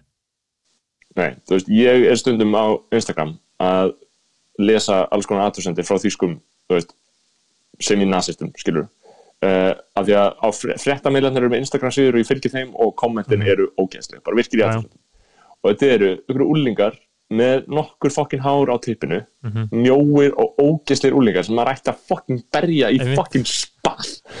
Og þeir eru að kommenta á einhverjar frettir um að uh, flóttamenn fái vinnu innan 30 ára. Já, ummitt, kanntu annan. Og í öllum kommentinu þeirra gera þeir Þýskalands fánan í öll kommentinu emoji. síðan einhverjir að rífast við Já, og gera bara Þýskalands fánan og mann langar veist, þarna langar mann að svara ill- illu með illu sko. Og lúberja mér langar að sparki maður þetta, Já. er- þetta er svona þannig tilfengi sem kom fram í mann sko. en menningarstríð er annars eðli sem í Þýskalandi sko, nasisminn dó aldrei, veist, hann, Nei, nei, eh, lifir. bara lifir áfram. Já. Og þetta er mjög Og- svona ég atna, man ekki hvað ég horfa á þetta en það er mjög, þú veist menn eru, þjóðverjar, PC þjóðverjar þeir eru ekkert svo mikið að veifa flagginu fánin heldur að þetta er sami fáni fánan, af og frá sko. veist, það er það er bara, engin, þú ert bara skrítin að þú ert, engin þjóðveri sem myndi vera með fánan sko. uh, á og 17. margir júni sem segja það bara það er bara í fótballta samingi sem finnst þetta eðlert annars, annars hugsa það bara þeir sjá einhvern með þýska fána bara nazi Já. uh, og það sama með Spánverja sko. þar er sami fáni og var uh, í Franco, það var ekki breytt um fána skil, þegar það var einræðisherra Mhm. og þú bara bókstaflega gengur ekki með fánan Þú bara, bara eðlilegi Spánverjar Mhm. þeir segja bara þetta er ekki minn fáni Já. þetta er ekki minn fáni, ég identifikera ekki við hennar fáni, hann er ógeðslegur fasistafáni, Mhm. hægri fáni það þannig að þú veist, þú ert bara extrema derecha eins og það heitir á spænsku ef þú Mhm. gengur um með, með fánan sko.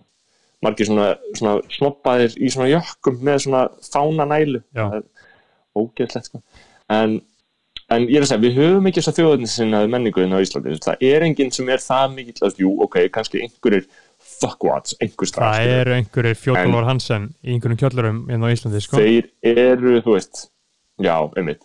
En, en maður myndi ætla að, að það væri tölvöld minna en það, því að ég meina, hversu mikill lúser þarf það að vera til þess að halda í þjóðarni sem eitthvað sem gerir því að einhverjum, einhverjum merkilegir manni, skilur þú þarf að hafa mjög lítið við þig, skilur Mhm.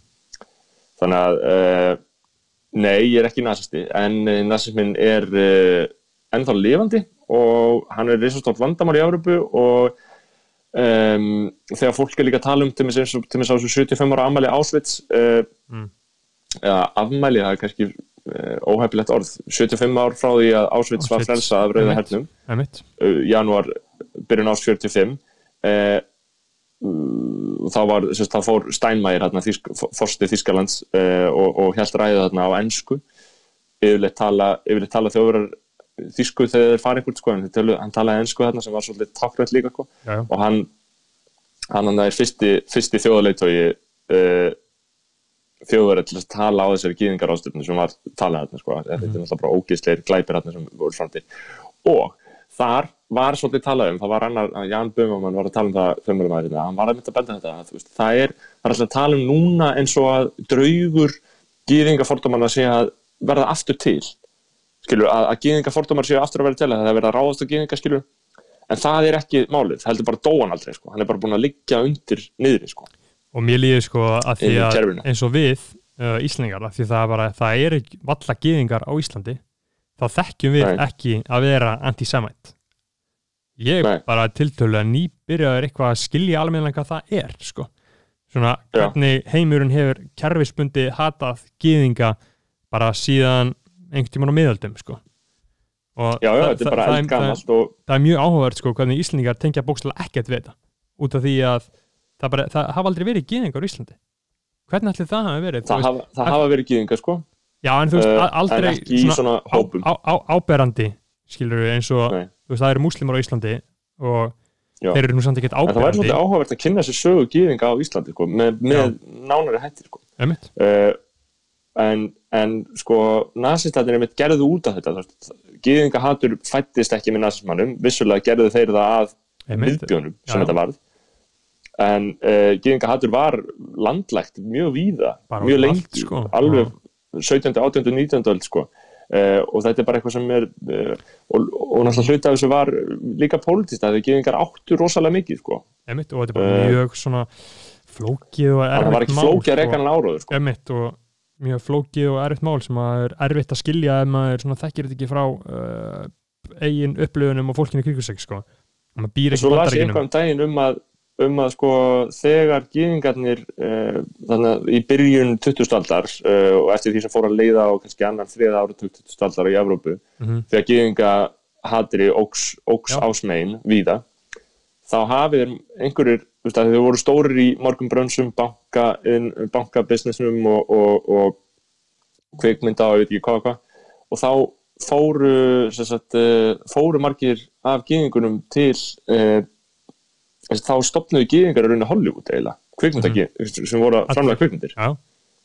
og það, Þarna- það, það er náttúrulega bara bein arfleið uh, all, allir Hollywood sem eiga þessi stúdjó, það er allt Já. geðingar stjórna Hollywood, ég meina Harvey Weinstein hann er einmitt og allir, allir í rauninni í kringum hann og þetta er mjög mikið sko, líka svona í sko í rappi, þá hafa margir til Já. J- Jay-Z var harðlega gaggrindur á plötunni sinni 2017, annað 444 þá segir hann ein- einmitt á er hann ásakaður um að vera uh, anti-samætt fyrir að, að hann segja að þú veist að gýðingarnir eiga allan peningin einmitt. Þetta er, þetta er, þetta er risastór spurning og, og Íslandika velta þessu mjög lítið fyrir sig sko, Já, og þetta er að- meira mál. þetta er mjög meina New York fjarlægt Times New York Times hefur líka verið gaggrind sko, af því að New York Times er sem átti þess að uh, margar, þú veist, það er New York Times fjölskyldan er bara í marga ætliði Mhm. gýðingar sko Mhm.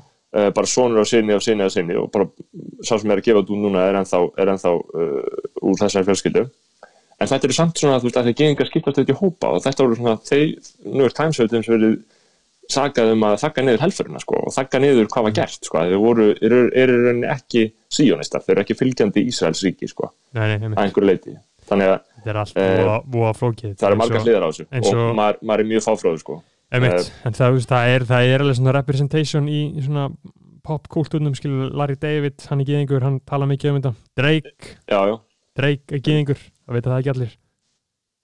En, já maður, að við bara förum í næsta. og gýðinga, uh, málefni gýðinga eru rosalega áhugavert og, og, og, og frjótt um Mhm. viðfórsætti sko. Um, um, síðan, en uh, ok, síðan, og hvað var eitthvað annað en það er, spurningunum? það er margt annað, við getum ekki farið yfir allt hér sko um, en þú veist, hérna er talað um sagt, Brexit þriði orkupakkin uh, þú veist, Mhm. þetta er ekki eitthvað sem við erum að fara yfir Super sko, Bowl Bre- Brexit Brexit er náttúrulega orðið, það varð þannig síðustu helgi, Já, en- við þurfum ekki að ræða sko. um, við þurfum ekki að ræða en sko, ég var að lesa fréttablaði morgun mm, og og mér finnst s- óskynlegt að það er blaðamaður fréttablaðin sem er í markanum sem er að fylgi, viðskipta fylgir þeirra mm, uh, og þar eru þar er Hörður, Hörður Ægisson uh, er, er rittstjóri uh, sem, sem er uh, þetta er ekki örgulega Hörður Þarna sem er, ég hugsa Hörður Torfarsson nei, en Hörður Ægisson, hann er rittstjóri hann er svona hægri maður, sjálfstæðis, iSafe talandi, talar um hvað Mm. hvað var mikilvægt að Íslandingar höfnu iSafe samningunum uh, svona talar um svona sjálfstæð, sterkar sjálfstæðishetju pælingar og svo skrifa Þorsteinn Friðrik Halldórsson sem er blaðamæður á, á markanum líka var uh, á mokkanum á sínum tíma skrifar núna pisti líka í fréttablaðið um hvað Boris er flottur að hafa klárað Brexit og hvað Brexit er mikilvægt fyrir til að sína Evrópusambandinu að það ræður ekki öllu og, og, og sterkar þjóður geta verið sterkar án Evrópusambandins og þetta er svona orðað sem maður myndi ekki halda ætti að vera í fréttablaðinu þegar Evrópusinni eins eins og Helgi Magg er búin að kaupa þetta, þannig ég velti fyrir mér. Ég velti fyrir mér, þetta er bara pæling, þetta er bara spá. Um að annarkort veist, ég skil ekki ekkur Helgi ætti að reka blað sem keirir út þennan áruð, sko, sem er anti-Evrópusambandi sko. Eh, þannig að þetta er bara eitthvað sem ég velti fyrir mér og ég spáði því að þetta muni breytast. Ég spáði því að þessi stöðu muni breytast eða áherslan breytast af því þetta, ég myndi ekki að ætla að hann myndi reka viðskiptablað með þessum áherslum. Þetta það verður gána að fylgjast með því en þarna hérna er verður sem er- æsi já. að fylgjast með. Evrópu áherslunum í fréttablaðinu. En þjá hérna kemur eitt, uh, eitt spurningin er hvað vilt þú að skoðana bræður tali um? Og þá er hérna frá uh, ónafngrindum uh, meðlumi í bræðarlæginu uh, bara aðeins minna um fjölmiðla maður, shit.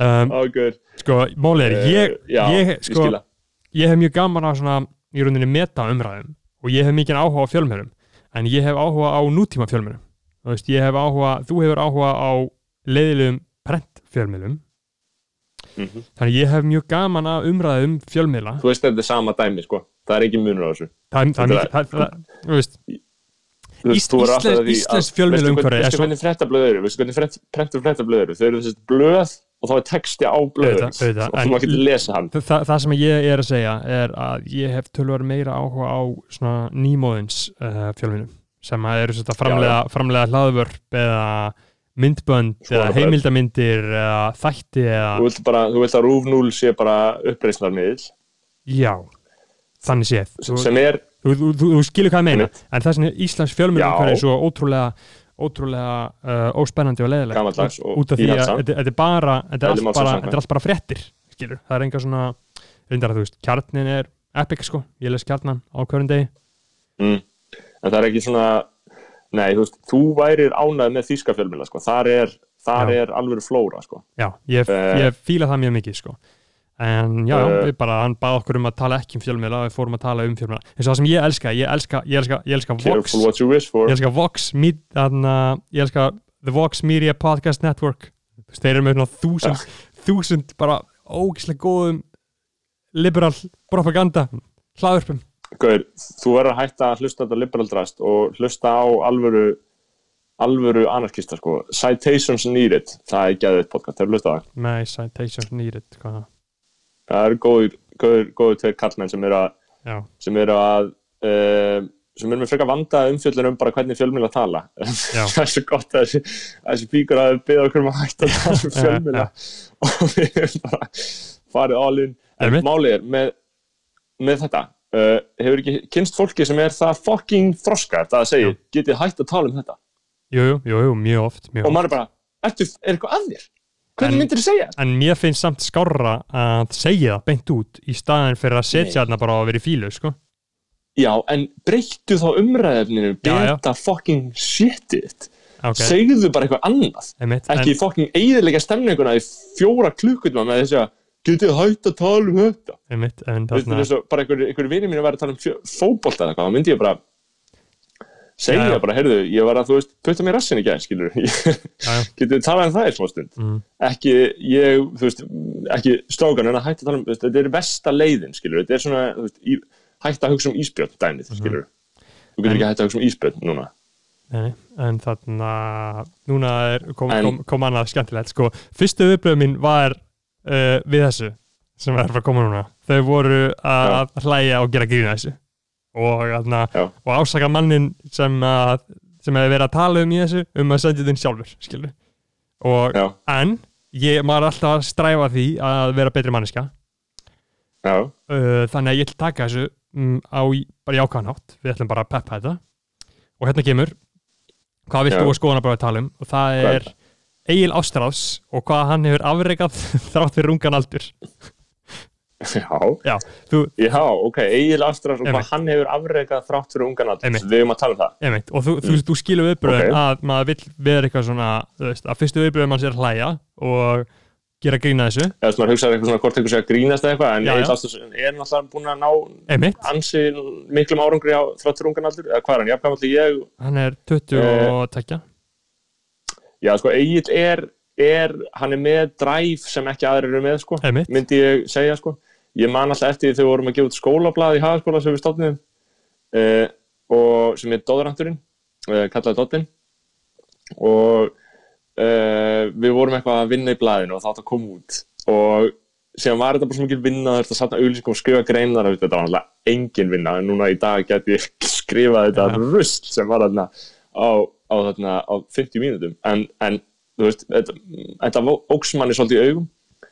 Og við basically skipulum, við, við ætlaðum bara að gefa stu við ætlaðum bara að hætta við þetta, bara beila á að gefa út blæðið og við skipulum uppreist gegn blæðinu í rauninni innan ritsörnar og Ja. vildum ekki gefa það út, vildum hætta sko, að prófinu voru að koma og vorum bara beta þessu ekki en Egil þá, hann sagði bara ég ykkur. Og gaf út blæðið, skilur, og Já. gáum út blæðið en það hefði ekki gest nema nema ef hann hefði verið með jafn mikla drauma í eistunum sko. er bara þannig að þetta er kannski lýsandi anekdóta anekdóta fyrir kraftin í manninu sko. Einmitt, og ég meina fyrir þá, Eh. fyrir hlustendur sem að þekkja ekki í nafni, þá er Egil, hvað hann byrjaði sem umbóðsmaður Sturla Atlas Mm. og svona var með uh, sá um all, svona allt leðilega sýttið í því uh, Já, það- og er núna markastjóri það markastjóri 101 sambandsins og, og yfirmaður okkar á út af fyrir ekki? einmitt, Já, maður getur svona uh, svo að segja, Já, já, einmitt, En- uh, en bara, þú veist. Egil, það er góð Já, við erum reyna við erum bara að reyna að þróa þetta í rétti átt að bara, við erum bara einlægir Egil er bara king. Um, Hérna er sagt fáið viðskiptaref í þáttin Jón Ásgeir eða Skúla Móg uh, kannski viðskiptaref er ekki rétt orðið eða arðræningi, það er svona nær því sem að ætti að kalla þessa menn. fáið fáið stundar glæpamenn fáið glæpamenn í þáttin Nei, við munum ekki fá þessa glæpamenn í þáttin uh, nema vissulega gegn Já. réttu auðvitað, eins og við Eh. uh, kannski minna á þá kostar það 290 skall auður í 661 4648 og það bara mátti koma það mátti bara koma hérna og setjast Mm. með mér mátti setja í kjöldur minni eða vilt og við bara tölum við mækana og snorrið verður á FaceTime Beggi Já. kjöldu dans Einmitt. síðan er talað hérna um Super Bowl, Super Bowl uh, halftime showið horfðið þú á það? Uh, nei. Nei. Ég, hef ekki, ég hef ekki kíkt á það Kíktu þú að horfa á það? Ég, ég horfði á það sko og þetta Er er ekki svona nokkuð marklaust að ræða það ef ég hef ekki séð það? Hvað nei, var e- þetta? e- Ég sá eitthvað þú veist að veist hvernig það virkar Bowl það er uh, Já, og svo kemur eitthvað svona hugmyndafræðilegt gerpi og, og gasar hugmyndafræðin yfir alla bandarækjumennir sem eru að horfa Já, já, núna var þetta heldur gott sko hérna, uh, hérna getur við Hugmyndafræðin, já. það líka Raffineruð það líka beðið um uh, reggaetónhorn og sem er skemmtilegt að segja frá því að því að Super Bowl þá hérna, voru Shakira og Jennifer Lopez með sjóið. Ég horfði á það á YouTube bara daginn eftir. Uh, ég vakti ekki, ég ætla ekki að eyðilegja vikunum mína með því að vaka og horfa á einhvern íþjóttaleik og borða kjúklingvangi þótt að bara fínt að menn gera það sem vilja gera það. Það er, það er bara góð veisla menn, menn stundir það. Einmitt, einmitt. Og þarna ég hef gert það nokkur sinnum, það er bara eiligu vikunni hérna og vakar svona sent og sagt, Shakira og Jennifer Lopez voru með sjóið. Og Bad Bunny og J Balvin mættu, það er heldur gott sko. Uh, Bad Bunny var eitthvað að tók hana Gagaita inn í lægið hjá uh, Shakira. Og það var skemmtilega Fucking blanda sko að því að Bad Bunny að því að Bad Bunny kom inn hjá uh, Shakira og J Balvin kom inn hjá uh, Jennifer Lopez. Og Jennifer Lopez er, er frá Puerto Rico og Bad Bunny er frá Puerto Rico. Það er eins og, sett í munlegu, munlegu prófi. Og, og J, J Balvin er frá Kolumbíu og Shakira er frá Kolumbíu J Balvin er, er, er og, þarna, og Shakira er frá Norðurströnd Kolumbíu, hún er frá Barranquilla sem ég hitti Já. sem ég kynntist góðum þýskum skiptinum þegar ég var þar. Og J Balvin er frá Medellín. Og fyrst við erum að tala um hann þá er hann orðin kollegi okkar. Hann er komin í podcast bransan ég mæli mig að tjekka á því. Er það? já, á spænsku. Hann er geðið lag núna sem er hérna Morado Ég fíla það sko. Nú er það er Þarna- það þarna Pedi Jón Morado, það er Drago númer og tvo á Spáni sko. Eija La Bodega.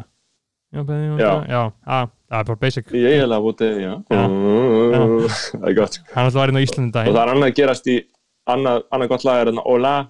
Og lag með Dalex, Lenny Tra- Tavares. Þetta eru þetta eru Dalex, svona frekar ég- low- Já, Dalex er eitthvað svo mikið gerpi, ég hef aldrei. En kannski, þetta þetta eru bara svona low-key ég er náttúrulega, þú, þú veist hvernig ég hlusta tónlist. Ég, þú veist, það er algjört aukaðri hver er að syngja rauninni. Ég Já. set bara á lægið og er bara bara hausleis á- hæna að lista. Það bara hauslega hæna Já, að mála sig fyrir djammið að, Já. að, að, að, já, að þetta hlusta er er eitthvað sommersby, fyrir og hlusta á þetta. Það er ég sko. Já, en þarna, það, það í mitt ég það sko. uh, J. J. Balvin, hann er komin í podcastbransan. Hann er komin í podcast sem heitir en, Amade en in Medellín það sem er á spænsku og hann bara talar um uppvöxtar ár sín á, í Medellín og það er fyrir góð pæling, ég hef ekki hlusta á það það er bara Um, heldur mikið stemming. Og hann var meira svo á Íslandi um daginn. J. Balvin og Maluma. Maluma Bebe. Þeir voru báði hér. Já. ég veit ekki hvað þeir voru að gera. Sínd, ég fylgdist ágætlega vel með þeim. Þeir voru, þeir hittist ekki. Allan að náðist ekki mynda þeim saman kannski voru að taka myndband eða voru bara eitthvað góður að í bláa lóninu sko. mm en, en þarna er þarna er þetta ekki bara uh, er gott hjá okkur? Nei, já, verða gott hjá okkur, jú, auðvitað er þetta alltaf verða gott hjá okkur sko, en, En- var eitthvað meira í þessu það, meira, það, meira það, þessu það, er fullt meira sko, en við náttúrulega getum ekki talað um allt sko. Nei, en þarna, það, sem, En- en- það sem við getum talað um kannski síðast hérna, þá er tala þá er við bennir um að tala um má ég sjá. Hérna við bennir um að tala. Ég skal tala sko, hérna er sagt uh, er það rétt að Snorri hafi á tímabili þá nefandi við MR uh, fengið sér bjór á mótnana fyrir skóla til að geta tekið í vöruna allan daginn af því hann hafi sett sér það markmið að bakka bara á djamminu? Þetta er áhugaður spurning. Ég veit ekki hvaðan, úr hvaða hotni hún kemur en þetta er alveg rétt sko. Já, þetta gerðist það, það er hana, saga bakveita sko. uh, ég var uh, sko, að því að ég, ég byrjaði að taka vöruna þegar ég var í, þú veist, ég veit ekki, nýjunda bekk að fara í tíunda bekk eða eitthvað, nei, já, kannski áttunda að fara í nýjunda Mhm. og varð frekar háður tóbaki og síkartum, var alltaf að reykja og bakka eins og fokkin ógeðslegt við 14-15 ára. Hætti því, ég hætti síðan að ég hætti að nota tóbak, ég bara tók ákvörðun og bara með viljastyrnum og hætti því í februar 2013, ég man alltaf eftir þessu sem var sem sé vorið sem ég var útskrifast úr grunnskóla þá var ég hættur í. Mhm. og síðan kom í ágúst og þá fór ég í partí sem var svona eiginlega fyrsta mentaskóla partíum mitt. Uh, og við vorum að drekka við vorum að nota áfengi. Og þá fekk ég eitthvað moment þar sem ég var bara fuck it, ég ætla bara að reykja. Og byrjaði að reykja. þá en þá ég, ok, ég verða að innskóla þetta við djamið 16 ára gamall. Uh, og ætlaði bara að reykja á djaminu, síkrutur og það vatt svolítið upp á sig eins og það gerir stundu þegar fólk reynir að einskorða tópaksnýttlunum sína við áfengisneyslu Einmitt, það er vel að merkja hann að er svona fullkomin blekking að það sé hægt það er sorglegt þegar fólk segir um já, ég gerir þetta bara því ég drekka okkur, já, þú ert samt svona fíkill og þetta er erfitt fyrir því og þetta er vesen. Uh, þannig að þú getur frelsast ég get frelsaði með bók. Mhm. um, en þá notaði ég sérst, uh, síkretur og tóbak á djaminu en síðan kom að ég hafði alltaf verið að horfa á Dexter. Mannstu þetta því? bara Dexter uh, seríuna? Rauðhærið morgin Legendary já. var alltaf að horfa á það. Uh, og það var að koma að loka þáttur af Dexter. Og ég hafði alltaf bakkað á meðan ég horfði á Dexter. Og ég hugsaði, ég get ekki hort á loka þáttin án þess að fá mig Einmitt. uh, og þannig að ég undirbjóð mig og þáttunum kom út klón 2 eða 3 um nótt og ég var að fara í skólan um morgunin og ég var alltaf í skólan og ég ætlaði að horfa á þáttinn áður en ég færi í skólan og ég veit ekki alveg af hverju, já, af því ég varð að horfa hann um leið og hann kom út, skilju, ég meikaði ekki að sjá niðurstöðunar einhver annar staðar. Hann, vaknaði fekk mig kaffi og til þess að geta fekið mig lummi þá þurfti ég að fá mig bjór. Og þá fekk ég mig bjór klukkan 6 um morgunin eða þú veist, 5 um morgunin og fekk mig síðan lummi og fekk mér þessu lummu og fekk mér bjórin og fekk mér kaffi og horfði á þáttinn, fór síðan í skólan og þann dag þá fór ég veist, af því að ég var ennþá með áfengin blóðinu innan gesalappa Mm. þá fór ég og keipt mér síkutipakka og eftir það var ekki eftir snúið. Og þá fór ég bara að reykja full on 2013 Mm. til 2017 sko, reykja og, og bakka og og reykti, reykti bara eftir þetta þannig að þetta er, þetta er rétt sko en, en ég meina er þetta er þetta skrítið, er þetta siðlust? Já. Gerir maður skrítna hluti þegar maður er háður efnum? Já. Já, Gerir maður fucked up shit? Já. ungur og veit er- ekki sko heimitt Þegar maður er ungur og veit ekki mikið, en ég meina allir sem eru háður efnum gera skrítna hluti af því þeir eru háður efnum. Ég gerir skrítna hluti með kaffi núna. Ég er bara hvað, þú veist ég er að segja, manneskjan hagar sér svo skringilega þegar hún er að tryggja skattið Hún hagar sér ógíslega, hún hugsaði eitthvað svona, já, ég, ég fer hérna og geti tekið með mig kaffi, hérna fengið mig kaffi um leið, ég búið með þetta og þá geti ég fengið mig kaffi áður en fer þangað. Já, já, ég hugsaði sérstaklega henni með uh, tóbakið maður, djúvill var maður fokkin Já. sjúkur í hausnum ég skil Það bara- ég stjó- skipulagði stýrir lífið. lífum mann, skilur. það er svona hætti maður Eh. en þarna eins og við sögum þá þarna uh, eru fullt af svona tilöfum að við höfum ekki tíma til að fara yfir allar og síðan er náttúrulega ég hlustaði á þarna, uh, gott vital sem að Michael Barbaro uh, stjórnandi Daily tók við aðal editorinn á Times. Og þá voru þeir að tala um sko að það er ekki endilega pólitíst uh, hvað byrtir heldur liggur pólitíkin einungis í því hvað byrtir ekki. Þannig að það er margt hérna uh, sem við ætlum ekki að byrta og ætlum ekki að tala um. En við höfum svo líka margt eftir hann að spara fyrir næstu hætti en við getum kannski endað þetta á uh, einu umræðefni og þá er talað um uh, lögleðingu kannabisa kannabisefna eða þá allavega lögleðingu CBD á Íslandi. Ég er náttúrulega stið Ok. þetta. Ég vil löglega þetta, mér finnst þetta alveg jafn hættulegt og áfengi. Og þá er ég bara fucking veistla ef ef að þetta væri löglegt sko.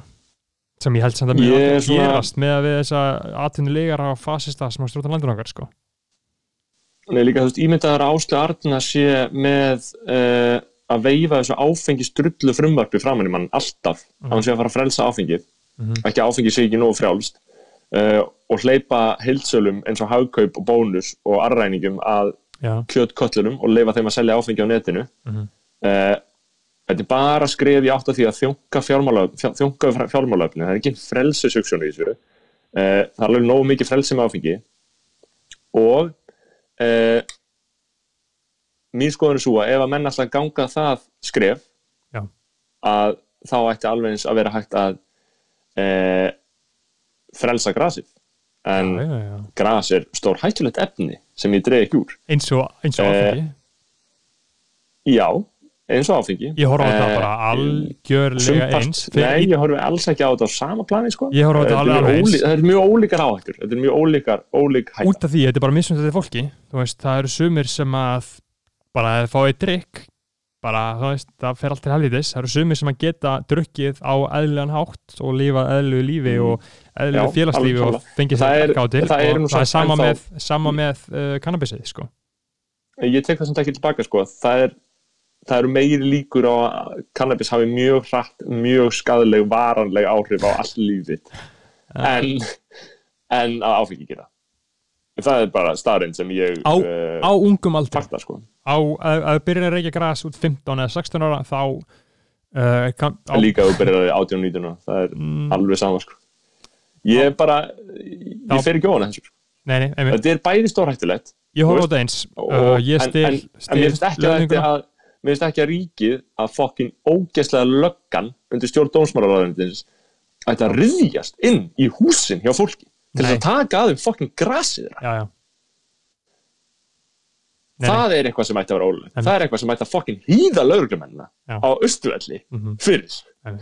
þú veist ímyndaður, ímyndaður ofbeldi sem ríkið beitir. Þetta er mesta ofbeldi stopnun í heiminum. Þess vegna mun ríkið ekki halda úti á rúf 0 einhverju byltingakendu útvarpi eða fjölmjöli, að það er ríkið ríkið er ofbeldi sjálft sko. Ég Ekki meina, það en að ekki við erum samt sáttir, með störf rúf og hérna, þá er það að fara yfir en uh, löglingu CBD hefur þú prófað eða? Nei, ég var að hugsa um það hvort maður geti prófað á hans að vera gæðugur já, já, sko, þetta er bara er, ég, ég oft, efnin í sko. þessu sem gerir maður gæðugana? nei, nei, nei, THC gerir ekki eðugan THC er þetta good shit Já, það er um, sko. Sem, sem, sem, sem, sem, kalla fram djöflana, sko já, já, THC sem að býður inn í veisluna sko. uh, CBD, það er það sem slakar á líkamannin og ég hef oft prófað þetta CBD dæmi sko. ég á eina sérstakka minningu þegar ég tók þetta þegar ég getið svona CBD gummibongsa uh, í Chinatown Já. í New York, Manhattan uh, hér, uh, einhvern veginn haust síðlega haust, þá fann ég Mhm. mjög mikið fyrir þessu og hann síðan borðaði ég meira og meira af þessum gummiböngsum nokkra daga eftir á og þá fann ég maður svona maður þróa með sér mjög mikið tolerans fljótt og Já. þetta er mjög dýrt sport sko og ég Mm. sko hef mjög gaman að þessu þegar ég hitt einhvern sem er með þetta þá, og hann býður mér, þá segi ég alltaf já það og getur að fengið smá CBD og haldið sem bara áfram með lífið. Gæti verið á CBD og tala við því núna bara algjörlega léttilega, léttilega. Bara, það breytir, breytir, breytir þankagangi í um ekkert sko. Færð smá- slaka bara aðeins taugarnar. Já, slakar aðeins tögundar og ég fælt svona smá núning í gagnugað um, Mm. og þetta er samt ólöflegt á Íslandi en samt var ég í apotek einhvern mann daginn og þau selja CBD krem sem ég held að sé frekar mikið rast sko, Mm. það ekki það að virka. Og þú þarftir að taka þetta eins og tekur svona B12 vitamin og þetta sprautir þessu upp í þig það er alltaf sem virka best eða borða þetta. Uh, og ég þurfti að fá mér ég þurfti að fá mér ég þurfti að fá mér CBD sko. Já. nei, ég veit ekki, ég meina ég þarf ekki að ég halda sko. Nei, nei, þú ert ekki að lappa út í búð og kaupa þetta en ef þú hittir einhvern sem er með þetta Mm. endilega bara prófa þetta því þetta er bara nokkuð no, nokkuð fint sko.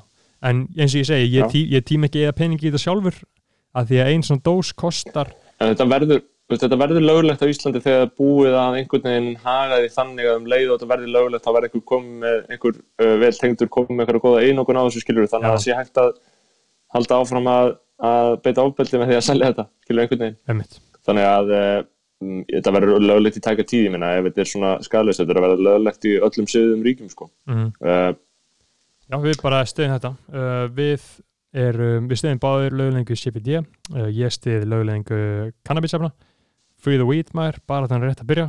Um, hvað meira? Höfðu við eitthvað meira til að tala um eða? Nei, ég meina ég eina sem er að það myndi mig á þarna þegar ég var að gera grína ráðan um getur betur að vera svara og getur betur. Já, já, þá horfði ég á, það er ágætlega skemmtilegt á rúf núna það er að horfa á gamla getur betur hætti Það frá ekki skemmtilegt, 92 og eitthvað. Og 85 og eitthvað whatever.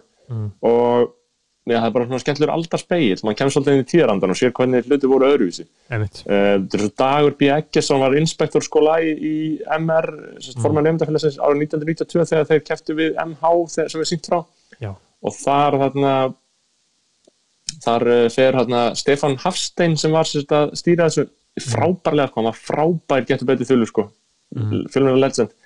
Uh, fer, og, fer og talar við Dag svona stutt viðtala eitthvað svona við inspektor í salnum og hann er spurður Dagur sko, hvað gerir inspektor? Og Dagur segir í svona uppgerðri hófærð sko, já, hann er svona allra handa senditík Mm. og hann bara fyndið skilur að, að maður myndi ekkert segja þetta þú senditík senditík sko. það er svolítið ljótt orð sko. En þarna var þetta, og þarna var þetta bara veistlan skildi að hafa sagt þetta sko. Herru, ta talend, En- talendin dag það er svo, ég er náttúrulega að hlusta uh, aðalega á út af sögu þegar ég keiri og ég, þegar ég er ekki með airpodsana í mér að að hlusta ég út af sögu og þarna þar sem sagt, er eitthvað auglýsing frá aðgerðasinnum í miðborginni.